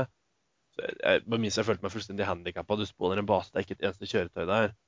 Og du blir bare tuslende rundt i en evighet, for så plutselig bli kjørt over ankomst. Eller, ja. Det, brettet her var elendig, rett og slett. Ja, man får noen av de òg. Jeg vet ikke om det, det er vel ingen av dere som har spilt det. Nei. Så har vi Longest, da. Er tilbake på Xbox grunn igjen. Nok, et, nok en klassiker. Ja, og det, banen her har jo også blitt eh, gjenskapt i, i flere andre spill, og bl.a. Halo 2. Så, så alle burde jo være sånn noenlunde kjent med konseptet. Veldig lang og trang bane. Ikke en av mine personlige favoritter fra Halo 1, men definitivt et uh, viable uh, map. Altså, det er mange som, uh, som kan spille det, og det er ikke noe fundamentalt galt med banen. Men, men litt, litt sært, og det setter veldig preg på hvordan kampen spilles. Det blir litt stalemate. Og så blir Det blir det litt statisk. Litt statisk. Ja. Også, men eh, det er, man har jo noen gode minner også da, fra å gjemme seg litt opp ved shotgun der med å sitte der med Mm. kamo og Ja, så, så lenge du, du er den som har power-upsa, så kan det være veldig gøy. Hvis, eh, hvis du aldri får en power-up, så, så kan det være veldig frustrerende. Men, eh, Ja. men eh, en veldig morsom bane også. Her kan du få, eh, få veldig viktige kills ut av ingenting, ut av en dårlig posisjon. For det, det finnes egentlig ikke noen altfor gode posisjoner. Den er veldig symmetrisk. Så ja, det blir nok en del kamper på longest eh, framover nå med, med releasen. Og nå ser vi kommer til to av våre favoritter, Nico. Eh, Først her Prisoner. Det er jo det jeg vil kanskje kalle min favoritt. Ja, Prisoner er magisk. Fantastisk bane. Jeg anbefaler alle som ikke er altfor erfaren med Halo 1, til å, å søke på uh, Sios mot Ogre 2, var det vel, eh, Stian? Oh, øh, ja, var det ikke én, da? Nei, det er jeg faktisk ikke sikker på. Nei, men eh, en del episke 1 mot 1-kamper her. eh, men banen er absolutt ikke bare begrenset til det. To mot to er også fantastisk. Til og med fire mot fire kan fungere ganske bra. Mm. Til tross for hvor liten banen er. Altså, den er liten. Jonas, du har sikkert spilt denne her, for den var også blant de som ble gjenskapt for Reach. Ja. Den Jeg husker at på den 2v2-turneringa vi hadde på hele Norge, så var dette en av de. Mm. Og taktikken på, på den banen her da, det var at eh, han ene gikk på den ene slapperen, han andre gikk på den andre, og så var det bare å stå og se på hverandre. Det var liksom alt. Så den ble litt tørr på Halo Reach, fordi Vi stengte jo de ba gangene bak på sniperen. Ja, riktig. Så da ble det liksom litt lett. Hvis man liksom først fikk et par kills og bare kom seg opp og henta sniperne, så hadde man basically vunnet gamet. Ja. med Rocket så var det veldig vanskelig å touche den andre. Det sier kanskje noe om hvor dominerende sniperne var, er blitt på de senere Halo-spillene. Jeg følte aldri at- det å liksom stå på snipertårnet var funket, men det var ikke noe god strategi. Og sniperen var aldri dominerende på dette brettet her på eneren. Nei, på ingen måte. Og pistolen er definitivt eh, det våpenet du er mest glad i på Prisoner. Og det er det du må stole på. Du får jo en, annen, en og annen rocket her og der, og, og kanskje en sniper som kan hjelpe til. Du får jo, du får jo seks, rocket, eh, seks dobbeltkills, da. Nei, tre dobbeltkills med, med rocketen, da, Nico, hvis du får det. Ja, det er klart. Det er klart. Men, eh, men altså, i én mot én så var jo som regel ikke rocket tillatt. Um, og i to mot to så, så var du alltid tre gode pistolskudd unna å ta bort den rocketen uansett. Det var du. Men det er derfor det var cloaken, da, vet du. Det er derfor du rekker tre dobbeltkills innen den går av. Nei, det er sant. Men, Men, eh, Prison men- er veldig, veldig bra. Ja, og, og sniperkontroll var eh, Det var ikke så avgjørende i Halo 1, det, egentlig. Nei, men- det var jo en grunn til at sniperen også Det er spånet hvert 15.-20. sekund. Altså, det var ikke noe som det var mangel på. Nemlig. Og hvis du hadde Sios hopp inne i repertoaret ditt også, så, eh, så kunne du fort eh, få noe positivt ut av en dårlig situasjon på Ja. Prisoner. Det som var på Prisoner, var at det var viktig å komme seg oppover. Det var det jo også på Reach, men det hjelper jo litt når du har jetpack, da. Eller, For det var vel det, det også på det brettet her, ikke sant, Jonas? Eh, vi spilte jo uten jetpack, gjorde vi ikke det? det Jo, det gjorde vi. Og no, ja. Uh, Vi gjorde vel det på slutten, ja. så det var vel bare i de vanlige Eliasene man kunne spille med jetpack, og da var det ikke noe problem. Men neste, Nico, tror jeg nesten du skal introdusere. altså Hvilket brett Ja. er neste på lista? Det er uh, den gode, gamle klassikeren Rat Race. Uh, Rotteracet. For eh, det utrente øyet så kan det føles litt som Giron helt i begynnelsen. Det er eh, en del eh, portals, og det er ikke alltid like lett å kjenne seg igjen. Men så fort man gjør seg ordentlig kjent med denne banen her, så kan det være utrolig gøy. Um, det er ikke noe ett sted på banen man har lyst til å holde, fordi det eneste som egentlig er av betydning her, er Overshield og Cam- Camo, og de kommer fra to helt forskjellige steder på banen, og de kommer veldig ofte. Eh, så hele opplegget når man spiller Team Slayer på denne banen her, er at man hele tida må flytte laget på en eh, smart måte. Og eh, det kan definitivt utvikle seg til noen, noen ganske interessante fights etter hvert. Det eneste muligheten for kjedelighet er hvis noen ser seg nødt til å campe i tunnelene på toppen. Men det er egentlig ikke en veldig gunstig taktikk, Ja. det heller. Så, så det er mer eh, hvis noen virkelig har lyst til å spille destruktivt, så kan du ødelegge gleden med den banen her. Men ellers Du vinner ellers, ikke. Det blir på en måte bare å hale det ut. Ja, det er liksom bare å drøye til det uunngåelige skjer.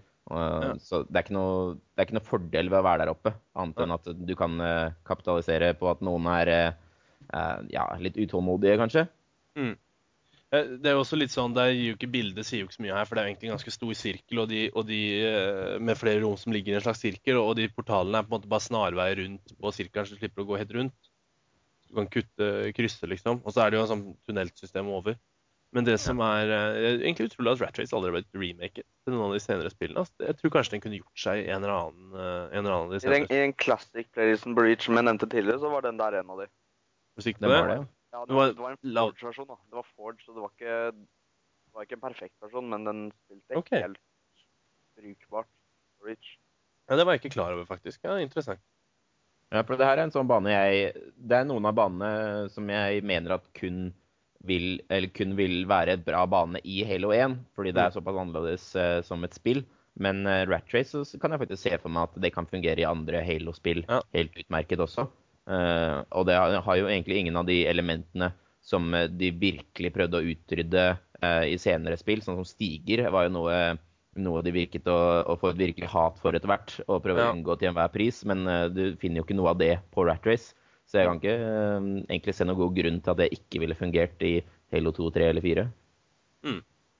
Neste brett her er Sidewinder. Det var jo både det var jo på Xbox eh, de fleste kjenner det til, men det var jo selvfølgelig også på PC-versjonen. Men det kanskje ikke mange vet, var at eh, når vi ser på Sidewinder her nå, så er jo det på, på Xbox så var det sånn at hvis du tok portalen ut av basen, ikke noe kjøretøy, men brukte portalen for å komme deg kjapt ut, så du Så var du låst der ute. Litt sånn i ingenmannsland. Eh, mens på PC så var den portalen inn til basen toveis. Og det var en veldig stor forskjell, for da kunne du plutselig løpe flagget på utsiden av banen, banen der ganske kort, og du kunne liksom angripe en base litt mer effektivt. Så det ble ikke så stalemate altså, og så kjedelig som den ofte er på Xbox. Da er jeg spent på å se hvilken versjon de vil bringe med. Hva tenker du om det, Nico? Spilte du den PC? Ja, altså jeg, jeg tror jeg spilte den PC-versjonen på en modda versjon av Halo 1 NTS. Um, så det vil definitivt hjelpe litt på hastigheten i kampen. Men, eh, men eh, du kunne jo fortsatt kjøre flagget på utsiden selv i Halo 1-versjonen hvis det var en bil som var og henta deg på din ende. Ja. Største, største forskjellen er at du kan for gå inn og ta en irriterende sniper som bare camper egen base. og sånn da. Du er ikke nødt til å snike deg inn på basen fra over 100 meter åpen mark. Nei, det er sant. Og det her var faktisk første banen jeg spilte i mitt aller første Halo 1-game, eh, med en hel gjeng av eh, nabolagsgutter. Og eh, det var faktisk noe av det som rekrutterte meg til Halo. Da, og da snakket jeg litt om den den sjarmen jeg nevnte tidligere med å bare hoppe i en bil sammen med en kompis og prøve å utrede noe stort mot en mye bedre spiller som ikke som føler seg for kul for bilen. da. Uh, og bare det å kjøre rundt der og prøve seg å, å time den svingen helt feil på isen for første gang. Ja, ja. Det er definitivt mye moro som kan man få ut av, en, av Signbinder, men uh, man risikerer også, som du sier, litt sånn uh, langtrukne games hvor egentlig ikke noe skjer, og folk bare dør på midten og spawner, og så dør de på midten igjen, og man føler at man ikke kommer seg noen vei. Det kan være litt frustrerende i lengden, i hvert fall hvis du er veldig ambisiøs om å vinne, da. Ja. Så, så, Yes. så er kanskje ikke Soundwinder-banen for deg, men definitivt hvis du har lyst til å bare introdusere noen for Halo og litt av skjermen, så um, Mm. Sidewinder og Halo 1 er ingen dårlig kombinasjon da. Jeg vet ikke om du har noe å legge til, Jonas? Den har vel aldri vært remaket, eller? Aldri spilt den, så jeg har ikke noe å legge til. Nei. Vi går videre, da. Det er bare to brett igjen på Halo 1, og så kommer vi over på litt fell med fellesterritorium, tror jeg. Eh, Vi har Timberland, som kun var på PC. Det er, det er viser bildet dere bare Tenk dere akkurat det du ser, det er bare speila, liksom. Den lille øya, eller hva det er midt i bekken der, er midten av banen. Bare speil Ja. det andre veien. Helt symmetrisk bane, så vidt jeg kan huske. Eh, eller ja, den, den elva går jo litt, men det er sånn, så symmetrisk du får det. Eh, og den var ganske morsom. altså Det er jo en typisk sånn bane hvor det er litt vehicles og sånn, men jeg, jeg føler at den her var på en måte en sånn liksom Blood Gulch 2. Ja. Det er veldig lik måte å spille på som Blood Gulch. Uh, at det er på en måte en klar sånn midt du gjerne må dominere med litt pistolskyting og sånn, men samtidig så er det liksom kjøre bil og sånn som er primærmåten å score flagg på. Uh, Det er i hvert fall noe å gjemme deg bak, da, med, med masse Ja. trær. det er forskjellen. At du har noen trær og litt mer det- Hilsa er litt mer sånn at du kan gjemme deg bak og steiner og ja. Så det, er, det, det var ganske interessant å spille. altså. En power-up ute i midten. Det er greit, i hvert fall. Aldri sett den før, men den ser jo helt OK ut som Big Team. Og også en sånn map jeg kunne tenke meg kunne vært veldig bra på Halo 4 og 3, egentlig. Hvis den hadde vært remaka. Altså, den, er, den er på en måte ligner på en del av de litt større Halo 3 og 4-mapsene i designet. Ja, altså bare de, det at den har litt sånn hils og sånn også, så skjærer jo den litt bort eh, noen av de verste aspektene, av, i min mening i hvert fall, da, med Halo 3 og 4. Sånn veldig lang avstand, eh, hvor du ikke får noe effektivt annet enn en, en sniper. da. Eh, så, så tvinger det kampene til å bli litt mer sånn mid-range, selv om banen i seg selv er veldig stor. Bare Ja. fordi det går så mye opp og ned. Ja, ikke sant? For her er det mulig å crossmappe litt og sånn. Altså, det er jo som du sikkert ser, så er det veldig lett for eksempel å hive nades over hilsa. Husker jeg at du kunne stå på ene siden og så legge en granat sånn i nedoverbakke på andre sida og ta folk. Eller iallfall skremme de opp, sånn at du ikke drepte de. Ja. Og så var det mye Hvis du ser her, det er sånne gode Warthog-ruter langs utsiden av mappa her. Som ikke er helt skjult, men du er ganske trygg. Men samtidig Eller du, er, du får en del dekning, da.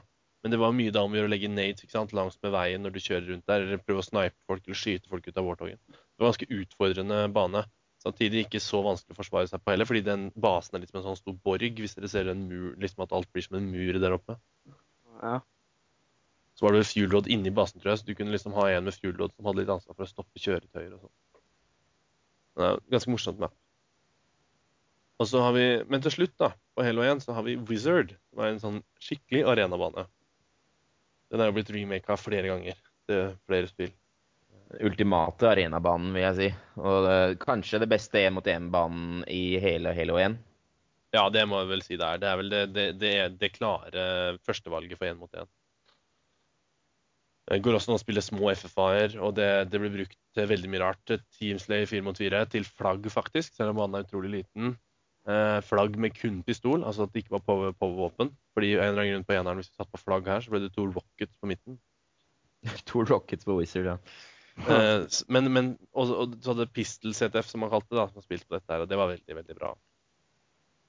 Så det er en sånn kjempebra klassisk Halo, Halo-map fra 1-2, og ja, det er vel Er det her også på Reach, tror du? Det har i hvert fall vært forga til alle spill. Eh, ja, den, den, var på, den var med i MLG-settingsa som forga map, da. Ja, for jeg, jeg har sett den i Forge. Funka veldig bra på Rich. Mm. Spilte veldig bra. Ja. Jeg tenker bare på Er, hele banen samme farge? I Halo 1, ja. Hvordan skal man gjøre det med callouts, da? Blir Ja, det det sånn- var jo en utfordring. Ja, det er sånn Han til venstre Det er litt forskjellig farge på lysa i hver bane, men det er veldig subtilt. Eh, klart På Halo 1 spilte vi ofte på samme skjerm, da, så det er fire stykk på samme skjerm, så jeg så stort sett bare på de andres skjermer. jeg. Ja, OK. Men så, så callouts blir litt spesielt, ja. ja. Det måtte bli litt mer sånn at du, du så de grønne strekene som var eh, indikator på hvor uh, teammaten din var, og så prøve å heller calle ut eh, relativt til den personen, da, hvor, eh, hvor fienden var. Eller at du sier ifra at det er på meg, og så så du hvor den siste grønne som forsvant var. Men det er jo ikke ekser, da. Det er litt vanskeligere. Uh, men det som også er, er at brettet er såpass lite og såpass åpent at på en måte så er det ikke noe eh, Det er ikke så kritisk med callouts heller, for du er nesten nødt til å reagere fra flyten på spill osv. Og følge med. På CTF så går det litt greier, for da kan du si liksom basen er jo greie, og så- og på sidene så er det ikke Så kan du iallfall calle høyre eller venstre. Ja, ellers så blir det vel eh, Fordi i Halo 1 så har du to kammoer og to OS-er. Så, eh, så var det vel lys kammo, mørk kammo, lys OS og mørk OS. Selv om Yes. eh, forskjellene eh, var veldig Veldig eh, Du måtte følge med litt da for å, for å vite hvilken som var hvilken. Ja.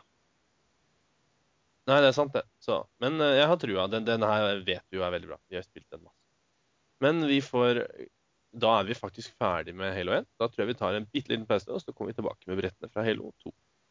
Halo 2. Halo 2, brought to you by Magnum, Hostess, and the wonderful folks at Sing It Sergeant. Mutual of Omaha is people you can count on when the going's rough. Da er vi tilbake og klar med nytt spill, Halo 2. Og her er det også en hel bunchmap, så det er jo bare å sette i gang. Vi begynner med Ascension. Det er jo et av de brettene som vil bli remastera til Halo 2, og, eller altså til Master Chief Collection. Og som faktisk, eh, faktisk ble vist frem på E3. Nå skal vi ikke snakke om den remasterede versjonen, for den, den har jo vi ikke spilt. Men vi skal holde oss til originalen. Uh, ja, dette er vel casual map nummer én, tenker jeg. Eller kanskje ikke nummer én, men veldig sånn klassisk Halo 2 casual map. Ja, det er en bane som veldig mange spilte uh, mest i starten av spillet, og så gradvis beveget seg vekk fra, ettersom den kan være litt frustrerende til tider. Men det er jo en veldig pen bane, og i starten så fikk den også vist fram litt av det nye med Halo 2, da, særlig sånne boosts. Så har den jo en gigantisk boost fra Rocket og opp til Ja, topp men boost der. mener du sånn airlift, liksom? Ja, sånn. airlift. eh, som eh, var et forholdsvis nytt eh, Ny teknologi som kom inn i Halo 2 fra Halo 1.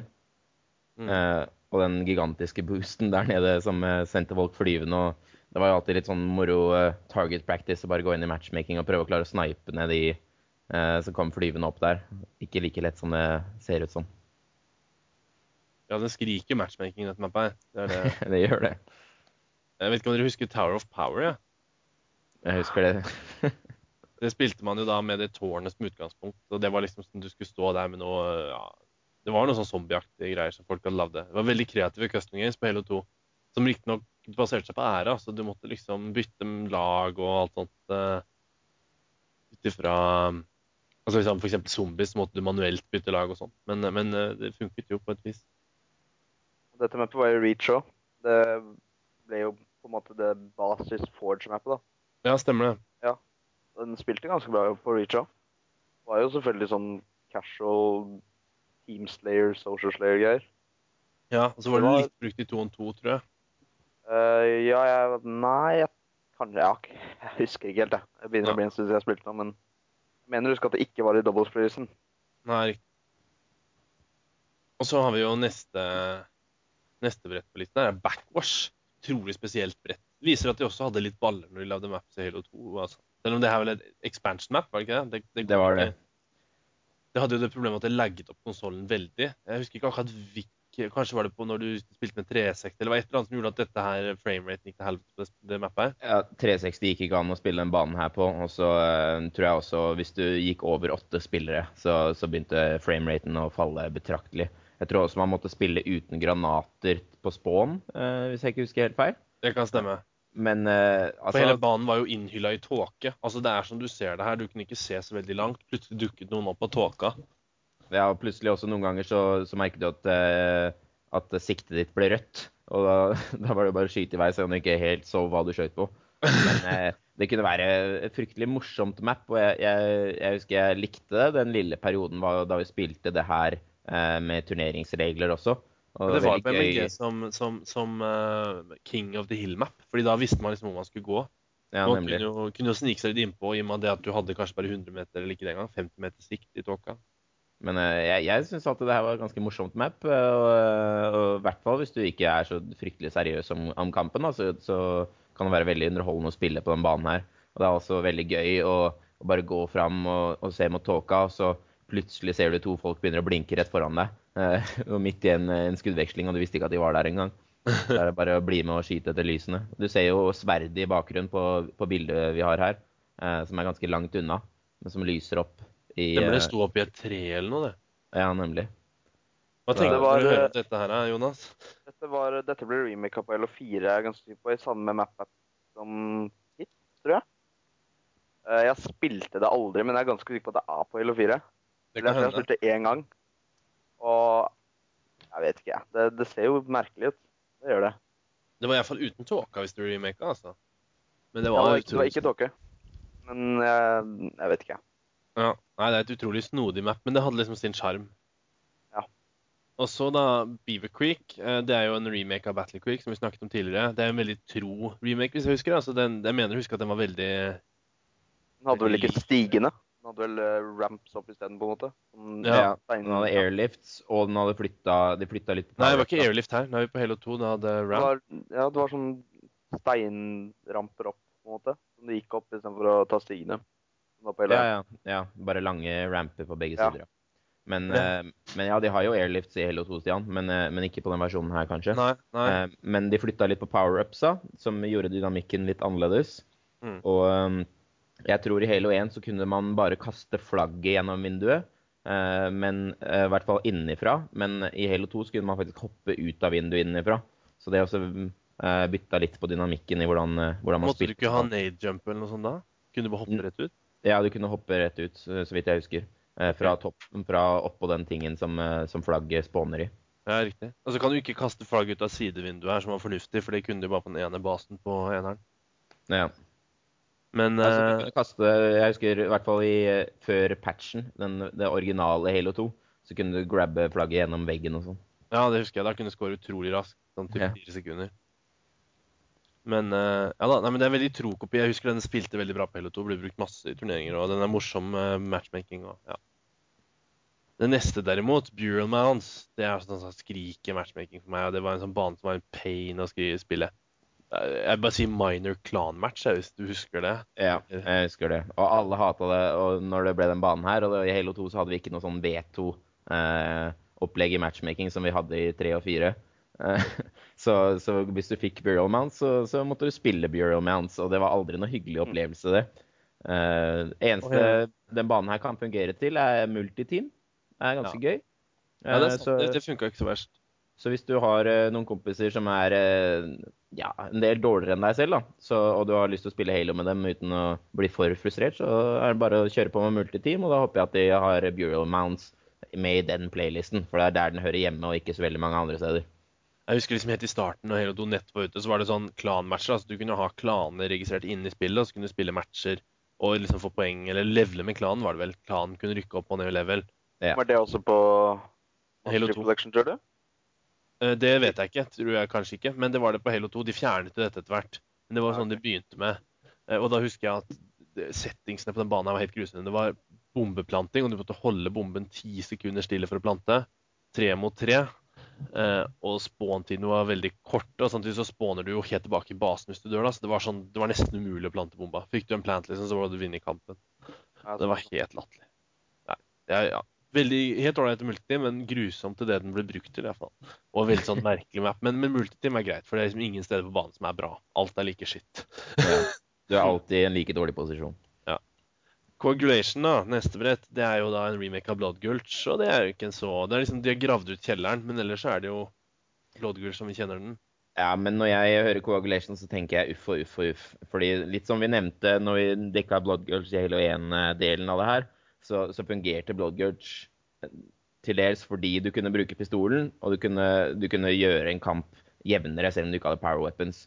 I coagulation, så hvis du står på basen som vi ser på bildet her, og det står en oppe eh, i det, eh, lengst, det fjellet lengst vekk med en sniper, så har du absolutt ingen sjanse til å ta livet av den sniperen.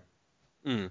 Du har ingen sjanse. Og selv om du treffer han, så vil som regel bare én av tre kuler treffe han, og han har god tid til å sikte inn en gang til og treffe deg med sniperen. Uh, Coagulation var en veldig frustrerende opplevelse i Halo 2. Og spesielt da i starten når man spåna med SMG. Det var, jo- det var jo bare kronen på verket. Mm. Så jeg, helt, Det er jo nærmest identisk som Gulch, men der kan man se hvor mye spillmotoren har å si da, for om en bane vil være en klassiker eller en katastrofe. Og jeg synes I Halo 1 så er det en klassiker, i Halo 2 så er det litt av en katastrofe. Ja, det er ikke vanskelig å være uenig det er, det er ikke vanskelig å være enig med det. Colossus er neste, da. Eh, Den var jo litt sånn interessant. Først ble den brukt mye til flagg på MLG, for du kunne bounce flagget som het. Du kunne kaste flagget ut, og så spratt opp på andre siden, så du kunne ta veldig raske caps. Og det var jo andre flaggruter også som ble brukt. Mens det, det kanskje var aller morsomste, syns jeg, var da du spilte Team Snipers her. For det er så utrolig mange interessante vinkler og måter og Ja. Ja, jeg har eh, Det var jo mange som ikke likte den banen her i det hele tatt, og kunne ikke vente til det ble tatt av alle playlists og osv. Men eh, jeg har alltid vært litt, litt svak for den banen her. Jeg har mye gode minner fra den banen her, og, og mye gøy. Og da spesielt enten i Team Snipers eller i flagg mens du har sniperen. Eh, eller bare noen episke battles helt oppe på toppen der hvor du ser, eh, ser bakerst på bildet. Eh, hvor, hvor det er en svær lift fra bunnen, og så kan du også komme dit fra alle andre steder på Stemmer, banen. det var en svær lift der. Det har jeg helt glemt. Ja. Og den liften kunne du hoppe inn i baklengs, og ja, det var mye kreativt man kunne gjøre oppe på toppen der. Og, ja, det var mye moro på den banen her, men eh, ikke den mest balanserte banen, men, eh, men mye, mye gøy. Har du vært borti matchmaking, Jonas? Det var en sånn typisk matchmaking-bane, iallfall i starten. Eh, Jeg har spilt den custom game et par ganger, men jeg husker ikke så mye av det. og det jeg, jeg tror ikke jeg likte den veldig godt. Jeg Ja. spilte, den, jeg spilte én mot én på den. Jeg husker det var en sånn bane hvor jeg traff mange, mange nordmenn i matchmaking på den banen her. Faktisk eh, noen av de jeg kjente, blitt best kjent med gjennom Halo. altså De folka fra Bergen. Norwegian Slayer, Defclaw osv. Første gang jeg møtte de var på den banen her. Reklamert for hele Norge, og siden så ble de medlemmer og var med i årevis. Så det er eh, eh, liksom Det var sånn møteplass, da. Neste bane er klassisk big team. Um, containment. Jeg, jeg, jeg, ikke, jeg kan ikke huske at jeg syntes denne var spesielt bra, men igjen, jeg tror du må like big team. Men, men eh, selv big team-folka var vel ikke noen stor fan av den banen her? Nei, jeg føler at den blir litt i største laget. Um, det, det meste man kan spille i Halo, er 8 mot 8. Og jeg føler at den banen her ville kanskje blitt mer morsomt i 12 mot 12, 16 mot 16. Uh, Ja, Ellers er det kanskje at den er for lukket, altså ikke, du- ikke du får noe fight. liksom At folk kan bare snike seg unna. Ja, man bruker veldig mye tid til å spåne, og så til mm, transportetappen, som jeg kaller det, hvor du bare løper og løper for å komme tilbake til et relevant punkt på, på brettet. Um, og ja, det, det er ikke så mye action, det er ikke så mye gøy. Men, uh, men en god idé som ikke, ikke fungerte helt. Og så neste er da Desolation. Eh, Det er jo en remake av Delict, som vi snakket om i Halo 1-delen. Men den her var jo fryktelig dårlig. Her var det liksom tatt ideen, men så har man lagt til fire lifter og fjernet portalene.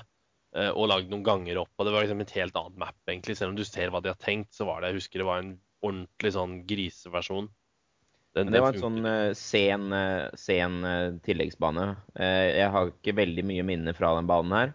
Eh, så jeg føler at det her kom veldig sent i en av de senere mappacksa. Det tror jeg du har rett i. Ja, eh, har ikke veldig mye å bidra til på den banen her. Jeg mister litt av sjarmen som de, eh, den Derelict faktisk hadde. Og, Ja, nei, jeg tror vi kan være enige om at det var et dårlig, dårlig remake. Jeg kunne brukt litt FA, men det var det. Du hadde midships, du trengte jo ikke det. Ja. Og neste her er District, da, som kun var på PC. Den, den er vel ingen av dere som har spilt? Ser jo mer ut som et Call of Duty-map, egentlig. ja.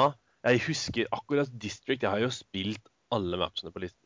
Men District er det mappet som må ha gjort minst inntrykk, fordi jeg husker nesten ingenting. Jeg, jeg husker egentlig ikke mer enn det jeg ser på bildet. Jeg husker det var et map i en by eller noe, men det var eh, Jeg mistenker at eh, Ja, det skal bli morsomt å prøve det igjen. Det er alt jeg sier. Men er det, er det et stort bane? Jeg ser det er en Warthog og en Ghost der. Er det Ja, fire mot fire, er eller snakker vi åtte mot åtte? Eh, bak der. Jeg husker, jeg husker virkelig ikke noe mer enn at det så omtrent sånn ut. Ja. Det ser ut som det er inspirert til Turf, som kom litt senere til Halo 2, i hvert fall. Ja, altså Det her er fra PC-versjonen. Altså. Det her er jo da etter Turf. Ja. Men det er jo greit. Vi får bare gå videre, tror jeg. Elongation, Halo 2-versjonen av Longest. Altså, det her er kanskje I historien av remakes syns jeg aldri noen remakes, bortsett fra Elongation, har klart å gjøre det bedre enn originalen. Det vil jeg faktisk påstå. Elongation er en bedre versjon av, eh, av Longest. Jeg er helt enig. Jeg nevnte jo eh, når vi snakket om Longest at eh, jeg ikke er altfor glad i den banen.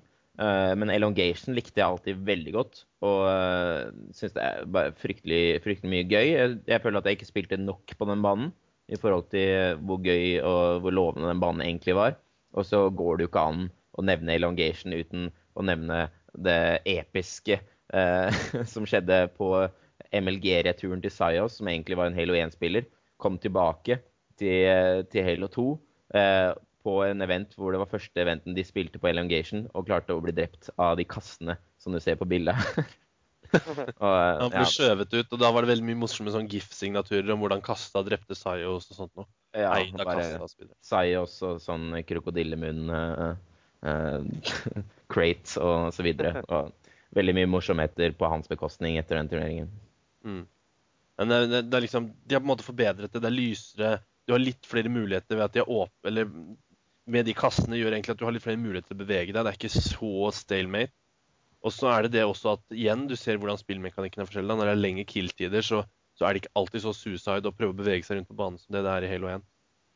Uh, så det blir mer dueller, og det er mer egna for flagg, f.eks., enn det Ja. longest er på NR. Og så bør det jo nevnes også at de kassene står ikke bare stille, de går på et sånn løpende bånd. Så, så du kan Mm. faktisk få en bevegelig cover da, ved å stå og dukke bak den kassa der for å prøve å snike deg litt innpå og plutselig hoppe fram og Og det var jo eh, sånn Sayos ble drept, ved at han ble dyttet ned i hullet i enden. ja. Eh, Sto litt for lenge i kassene, at når de beveger seg, så er det jo forskjellige jump, hvilke jumps du kan ta, avhengig av hvordan kassen er. Så du må ofte ha litt timing. Og det er visse løyper liksom, med flagg og sånn som avhenger av at du har riktig timing i forhold til hvordan kassen beveger seg. Veldig interessant bane. Og så neste, da, som jeg husker har mye fun-minner fra, men ikke så mye competitive, kanskje, det er Foundation. Det er jo den banen hvor alle spilte zombies. Det er en veldig sånn åpen bane. Føles nesten ut som et sånt sted hvor man tester våpnene på spillet, og så sletter før man lanserer spillet. Eller er, er du ikke litt enig? Jo, jeg er veldig enig. og det var også Eneste gangen jeg kan huske å ha spilt den banen her i turnering, var på den aller første turneringa eh, jeg var på i Halo 2. Og da var den banen her den som ble brukt til FFA. Og det Ja. fungerte sånn tålelig greit. Men, eh, men det at det er fire sånne avlukka rom, eh, gjorde den litt sånn segmentert. Og jeg lurer på hvordan banen kanskje ville spilt bedre uten de rommene. Jeg vet ikke om Ja. det er nødvendigvis sant, men det kunne, kunne er vært, vært en idé. Noen kasser som kunne fått deg på taket på midten der òg, fordi taket var jo utilgjengelig. Ja, du måtte være host, så du kunne granathoppe for å komme opp dit. Ja. Og så husker jeg, men det, det morsomste minnet jeg har, er fra den samme turneringen du nevnte, Nico. Altså, bortsett fra at du spilte zombies på disse mappene, da, og da var det om å gjøre å barrikadere seg inn i de der eh, hjørnerommene. Men, yeah. men bortsett fra det, så er det morsomste minnet jeg har fra den mappet her, det var at vi hadde jo banna sverdet fra bruk eh, i FFA. Og da husker jeg at det første som skjer etter matchen har liksom akkurat starta, og folk har fått brifen, og alle har sagt de vet hva de gjør. Og så, og så, og så er det noe action på midten her, og så blir han eh, Jeg husker ikke hvem en av disse TS-gutta blir veldig stressa, og så plukker han opp sverdet da, og drepe en fyr. Og rett etter han har drept den, så innser han hva han har gjort. da. Umiddelbar disking. altså Det var for så vidt ikke disk å ta opp sverdet, men det å bruke det, det var disk. Så han måtte quitte gamet. Så det var ganske funny. Han skjønte det sjøl ganske kjapt. Så ja. Nei, vi får gå videre. Neste, Gemini. Det var et sånt brett jeg hadde glemt. Ja, helt til jeg så det i den lista her, så, så huska jeg ikke den banen her, jeg heller. Eh, minner litt om chill-out sånn i farge, men ja, spiller på absolutt, absolutt ikke på samme måte. Eh, kan være en ganske frustrerende opplevelse. Det er liksom det verste elementene av fargene til chillout eh, kombinert med Ascension og Ivory Tower på en eh, veldig merkelig måte. Og um, spesielt det at de hadde Som et sånt brett som hadde potensial, men det var sånne små designproblemer som ødela det. Blant annet at de hadde sånne dører som åpnet seg. Sånn som, Ja. som du, det, det sa pling, pling, og så åpnet de seg et par sekunder etterpå, så alle visste du kom. Det Ja. fant en egen versjon av det brettet her, eller de patchet eller ordnet et eller annet som de dørene forsvant. For godt. Men Jeg- uh, det var liksom andre små problemer, sånn som den statuen du ser over hele bildet her. Og det var liksom litt sånn Det kunne kanskje vært bedre hvis de hadde fikset litt på den. Ja. Det, virka litt mer sånn Se hvor kul den banen her ser ut. Uh, gikk på bekostning av hvor bra banen faktisk spilte. Uh, jeg, jeg også tror at det var bare et par småting unna å være en skikkelig Halo-klassiker, men fungerte ikke helt. Og så har vi Headlong, da. Den er en sånn som har kommet tilbake. Det er jo sånn big team-bane, og den vet jeg også har vært på en av de andre spillene. Den er på Reach. Den kom i Den blir remake på Reach, tror. Ja. Og det var jo var på en måte big team-banen med stor B. Altså. Den funket bra til big team. Ja, veldig morsom Big Team-bane. Hva syns En du? av favorittene. Ja. Var faktisk ganske bra på Reach òg. Mm. Og vi kommer jo innom Reach-banen etter hvert, men eh, ja. Og det var jo liksom sånn Reach er vel ikke på det greiene her, er det det? Hæ? Reach er vel ikke med på den Nei, det er sant. Reach er ikke med her, nei. Nei, Så vi kommer ikke tilbake til den. Men den funket bra på Reach òg, ja. Så, og, og det, husker, det eneste jeg husker var irriterende, var at du kunne fly eller bomba opp ut av mappet. Og stå der og campe med den og bare vente til tida gikk ut, eller noe sånt. Ja, det var jo alle Halo 2-glitcheres drøm, den banen her. Så hvis du hadde noen sånne folk som syntes det var veldig gøy å drive med glitching i Halo 2, så var det alltid Superjumps. Ja, alltid superjumps på headlong som, som foregikk. Så som regel når jeg uh, hoppa inn i en kamp og jeg så de spilte på headlong, så regna jeg med at de egentlig ikke satt og spilte, så jeg bare quitta ut igjen. Men veldig morsom big team-bane. Eh, mye variert. Ikke, du må ikke bare spille på kjempelang avstand og så veldig trang avstand inn i banene, men veldig mye forskjellige avstander og opp og ned og rett fram og vehicles og til fots. Alt. Du kunne få litt av alle aspektene ved Halo-universet da, på Ja. bane. Og Og, og igjen, eh, vi gjør som veldig mange gode big team-banemerker etter hvert. Den, den har liksom, Du har valget mellom å være til fots eller til kjøretøy. De dårlige så er det enten nødt til å ha kjøretøy, eller at det bare er meningsløst å være til fots for det er for store åpne områder. Mens her har liksom funket begge deler. Det finnes ruter for begge deler. Helt klart. Nå skal vi over på et par mindre brett. Vi begynner med Ivory Tower. Eh, Det er jo virkelig en klassiker. Eh, Litt, litt, litt snodig, veldig asymmetrisk spesielt brett, men det blir spilt utrolig mye. Ja, ikke så mye mot slutten, eh, fordi den, den ble veldig basert på hvem som fikk kontroll på våpenet og banen, eller posisjoner på banen tidlig. Eh, men definitivt veldig morsom bane. Veldig underholdende. Mye forskjellige steder på banen hvor veldig mye gøy kunne skje.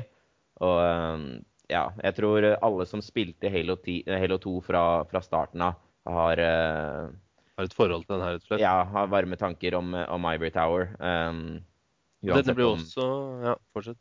Ja, uansett om man støttet det som en turneringsbane eller ikke, så var det veldig gøy. Og eh, det var også første banen jeg la merke til at eh, Halo 2 la til ammunisjon uten våpen. Uh, som ikke fantes i Halo 1, som vidt jeg vet, i hvert fall. Mm. Uh, med den rocket-pakka som du ser uh, nederst i venstre hjørne av, av bildet vi har av Ivory Tower her. Og denne Ja. ble også rem... Ja, fortsett, Jonas. Den, ble også, den var fra starten med i Reach. Mm. Var eh, helt til starten med i MLG-settings of Reach. Og den spilte nok bedre på LO2 enn Reach. Fordi Nei, jeg husker ikke hvorfor, men den var dårlig i Reach. Ja. Var, um, jeg husker i hvert fall på Snipers. Var sånn, Fikk man kontroll på toppen av den, helt på toppen som du ser på bildet her, så var det game over, egentlig. Det var mye dårlig spons og greier. Mm. Neste er jo en virkelig, virkelig, en av virkelig høydepunktene i Halo 2. Lockout, som jo var et, et veldig innovativt map den gangen. Altså Det var åpent. Første map, eller første liksom map som virkelig var liksom sånn i open air. Samtidig var det smått, asymmetrisk. Eh, veldig, eh, veldig litt sånn push og holde-taktikker som de gikk i. Altså veldig, veldig nytt og forfriskende. Og også veldig varig. Det holdt jo gjennom hele. Helt klart. Og, og her kommer jo også granater ordentlig med inn i, i metagamet også.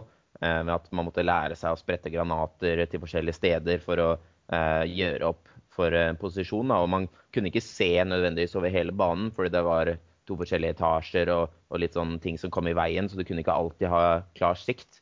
Men det var som regel alltid en eller annen måte å treffe motstanderen på, hvis du hadde brukt nok tid på det. Og det var også litt eh, en bane hvor det var litt sånn morsomme hopp man kunne lære seg. Og det er i hvert fall noe jeg alltid har vært glad i i Halo-spillene. At eh, det er noen sånne små hopp og triks man kan lære seg og få en liten edge sånn sett. da, Uten at, eh, uten at eh, det går over til juks og standbying og de mer negative edgene man kunne få i Halo 2 etter hvert. men, men ja, eh, veldig morsom bane og veldig Jeg vil si en av de tre beste banene i Halo 2, helt klart.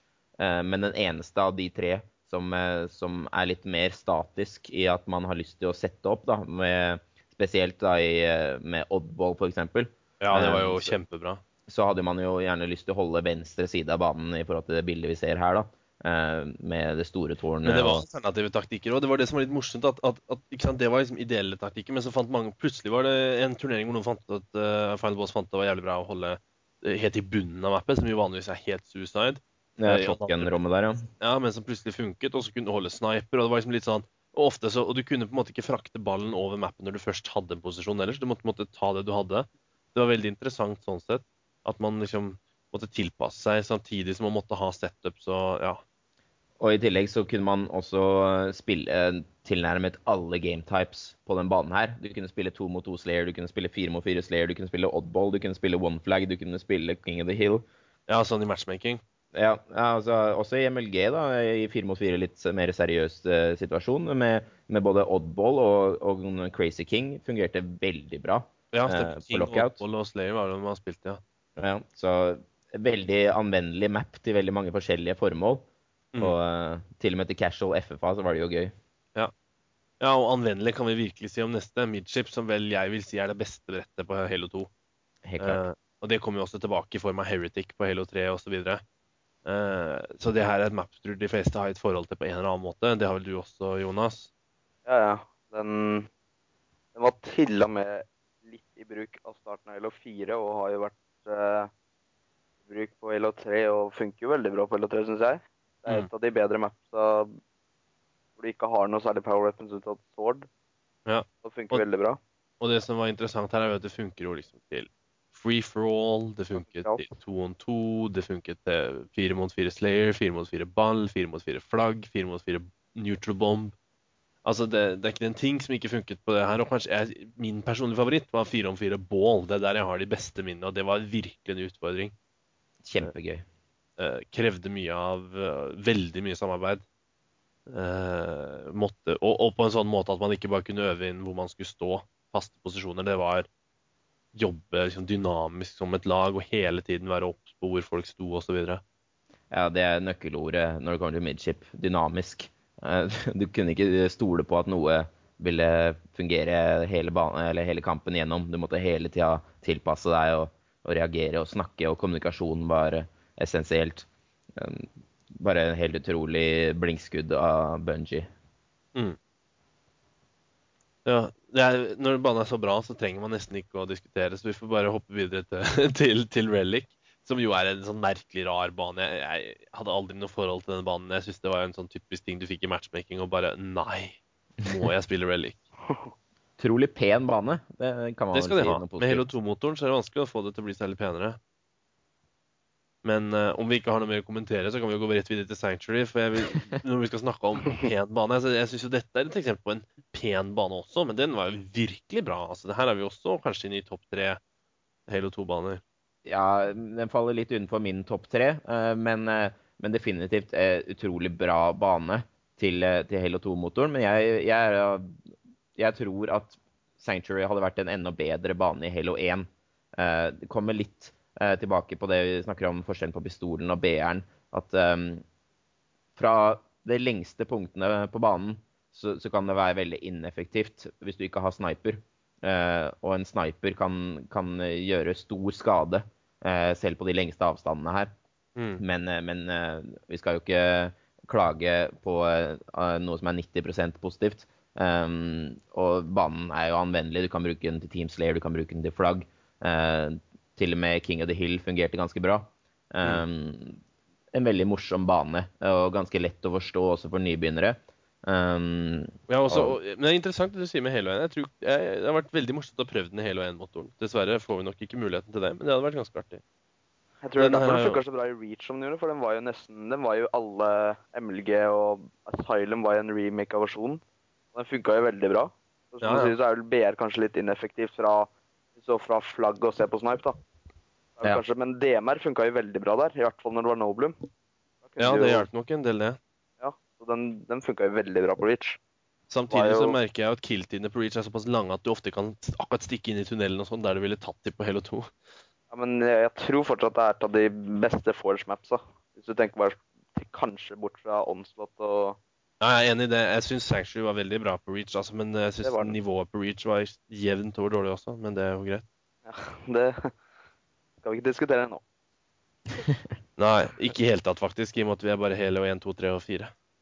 Men Terminal, da, neste brett fra Halo 2, det var et sånt big team-map. Men jeg, ville, jeg, jeg synes dette var et ganske dårlig, dårlig map. Altså, det er igjen et pent map, litt sånn kult med at det er tog som kommer gjennom banen og sånn, men ja, litt sånn Litt sånn skulderløft for min del. Ja, men Det eneste som var litt morsomt, det er jo det der at som du ser på bildet, at sverdet hang over togskinnene. Så du måtte utfordre skjebnen litt hver gang du gikk for det sverdet. Eh, det var jo litt miss av, av Bungie, da, ettersom sverdet ikke akkurat var eh, noe høydere på den banen her, som er såpass stort. Men du Så- ville likevel ha den, vet du. Du ville likevel opp dit. Ja, ja, Det var var jo fint en fin snarvei å løpe på togskinnene hvis du hadde tida.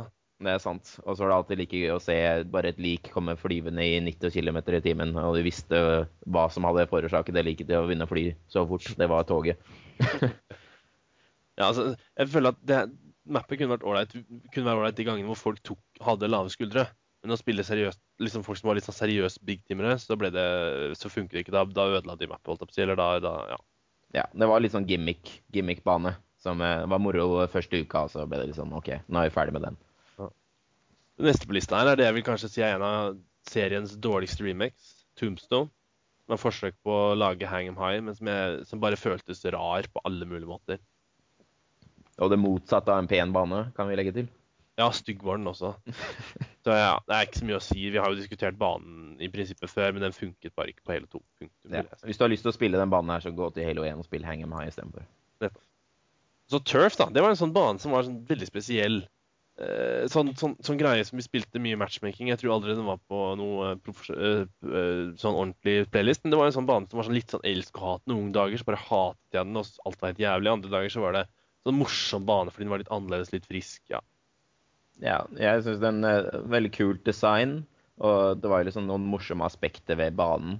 Noen, eh, noen morsomme hopp her og der. Og deler av banen hvor du kunne ha veldig underholdende eh, fights. Og så var det andre deler av banen som, som ble veldig teit. Eh, men ja, det, vis, det virka litt som en bane som ikke visste om den skulle være big team eller eh, de mindre, mindre spillergrupper. Så Det var jo liksom King of the Hill som den banen her virka som den var bygd for, og det funket den jo for. som. Ja. Det er jo så å si det eneste. Og det er jo spesielt at det er Warthog her. Du ser en Warthog på bildet, men den hadde ikke mye manøvreringsrom, altså. Nei. Det er 50 meter hver vei. Da må du ha en sånn eh, Warthog som, eh, som du har i de senere spillene, med sånn Ghost Cannon eller sånt, for at den skal være noe interessant i det hele tatt. Altså. Ja. Og neste her er et sånt Halo 2 PC eller Vista-map. da. Uh, Uplift, som jeg har spilt litt. Rann. Uh, basically så er det mesteparten av action på den banen her på den brua. Men den banen her lider hun av er veldig stor. Jeg vet ikke Det er ingen av dere som har spilt den her, regner jeg med. Nei, jeg aldri sett den før. Ja, eh, det er veldig stor, ting blir spredd ut. Jeg har aldri opplevd det, liksom, at det har vært noe særlig action på den banen, her, men mulig jeg har vært på servere med for lite folk, rett og slett. Men ja, det var en sånn bane som bare ikke Ja, veldig stor. Litt sånn flere steder hvor det er mulig å ha action, på en måte. Ikke noe sånn klart mål. Jeg er litt usikker på hvor flaggene er. Kanskje flagg kunne funket, men ja, litt spesiell, rar bane. Tror ikke det er så mye mer å si om den. Men Warlock, da, neste er jo litt å si. Det er jo en remake av Wizard fra, Halo 1. Og igjen, en, en, det her er en god remake. Altså, dette her fikk de virkelig fram sjela i banen. Ja, jeg, jeg vil, eh, den her er den som runder av min topp tre eh, Halo 2-bane. Eh, og jeg, noen vil kanskje si at Beaver Creek er den beste remaken som har vært. Jeg vil definitivt si at det er Warlock. Warlock var kjempegøy. Helt i starten så var den litt forvirrende for folk som ikke hadde noe erfaring med Wizard. men den fiksa det som var uoversiktlig med Wizard. Den la til mer fargekoder. Og eh, den fungerte bare utmerket med Halo 2-motoren. Fungerte til veldig mange forskjellige spillestiler. Den, den gjorde til og med én mot én mulig for første gang i, i Halo 2. Og eh, det var bare en, en fantastisk bane. Og for folk som liker å spille på lag, da, og spille med folk man kjenner, så kommer kommunikasjon virkelig fram eh, som det aller viktigste på den banen her. Og jeg vil tro det er viktigere med kommunik effektiv kommunisering på den banen her enn noen annen bane. Ja, det er sant. Og jeg husker også det var en ganske morsom gametap med, med Carbine uh, Team Slayer her, hvor du kun hadde Carbines. Som var Ja. en liten periode i MLG som var ganske morsom. Den ga litt sånn Halo 1-følelse. Det var veldig mye presisjon, men du gikk mye tom for ammo. da. Ja, det var favorittbanen min helt eh, Jeg ville ikke sagt eh, at det var den beste banen, det var- må nok gå til midship, men eh, definitivt favorittbanen min. Elsket Warlock. Eh, og Jonas, dette er jo en sånn som har blitt forget i alle Halo-spill, tror jeg. Ja, den, den var i playlisten i Reach en liten stund i hvert fall. Mm. Så har jeg jo spilt den på Halo 3, og den funker jo. Det er jo Det, det funker jo, fordi det er jo det er bare et lite arenamapp, og de funker jo som regel. Og den, den funker jo, den banen her. Rett og slett. Neste er Waterworks, en stor big team-bane. eh, som ja, er en sånn big team-bane jeg tenker at er morsom. En sånn, sånn funny big team-bane. Veldig stor, da. Altså veldig, sånn, veldig mange steder du kan løpe. Og hvis du går deg vill her, så kan du virkelig gå deg vill og ikke se et annet menneske i fem minutter. Ja, det er, jeg vil si at det er en av de aller beste Big Team-banene i, i Halo 2. Eh, jeg hadde veldig mye morsom, som du nevnte, med minor clan-match eh, tidligere. Eh, Her så var det var det her clan-match, ja, major clan-match på Waterworks. Jeg husker jeg da spilte i Clan Nordic Division, som var en skandinavisk klan. og um, Du ser på bildet her at uh, det går en bro gjennom midten av mappet. Og det var gjerne der man ville ta flagget med Warthog. da. Og Eneste problemet er at den broa går uh, i nedoverbakke, og oppkjørselen til den broa går i uh, oppoverbakke.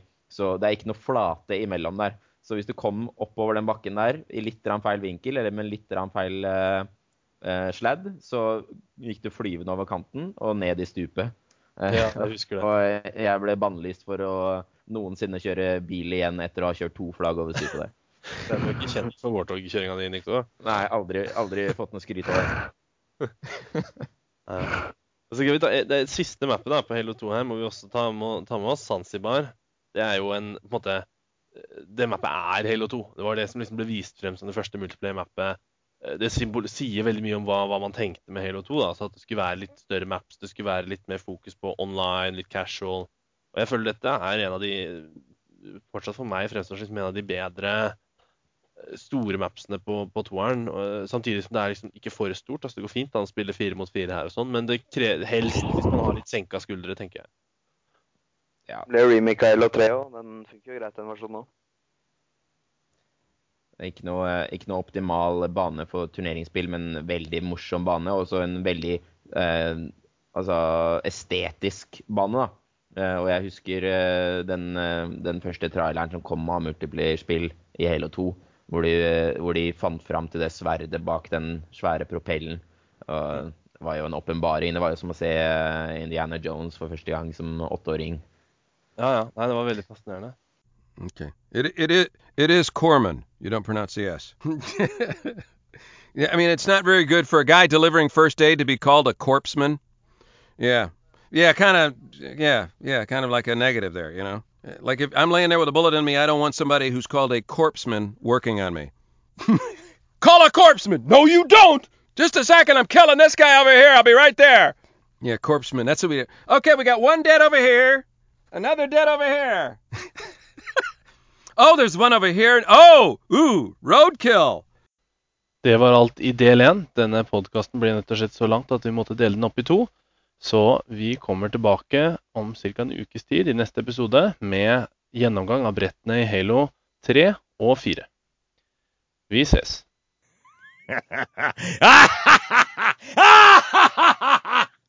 you kids at home, be safe. When you put down that video game and actually go live your lives, don't go to the library. okay.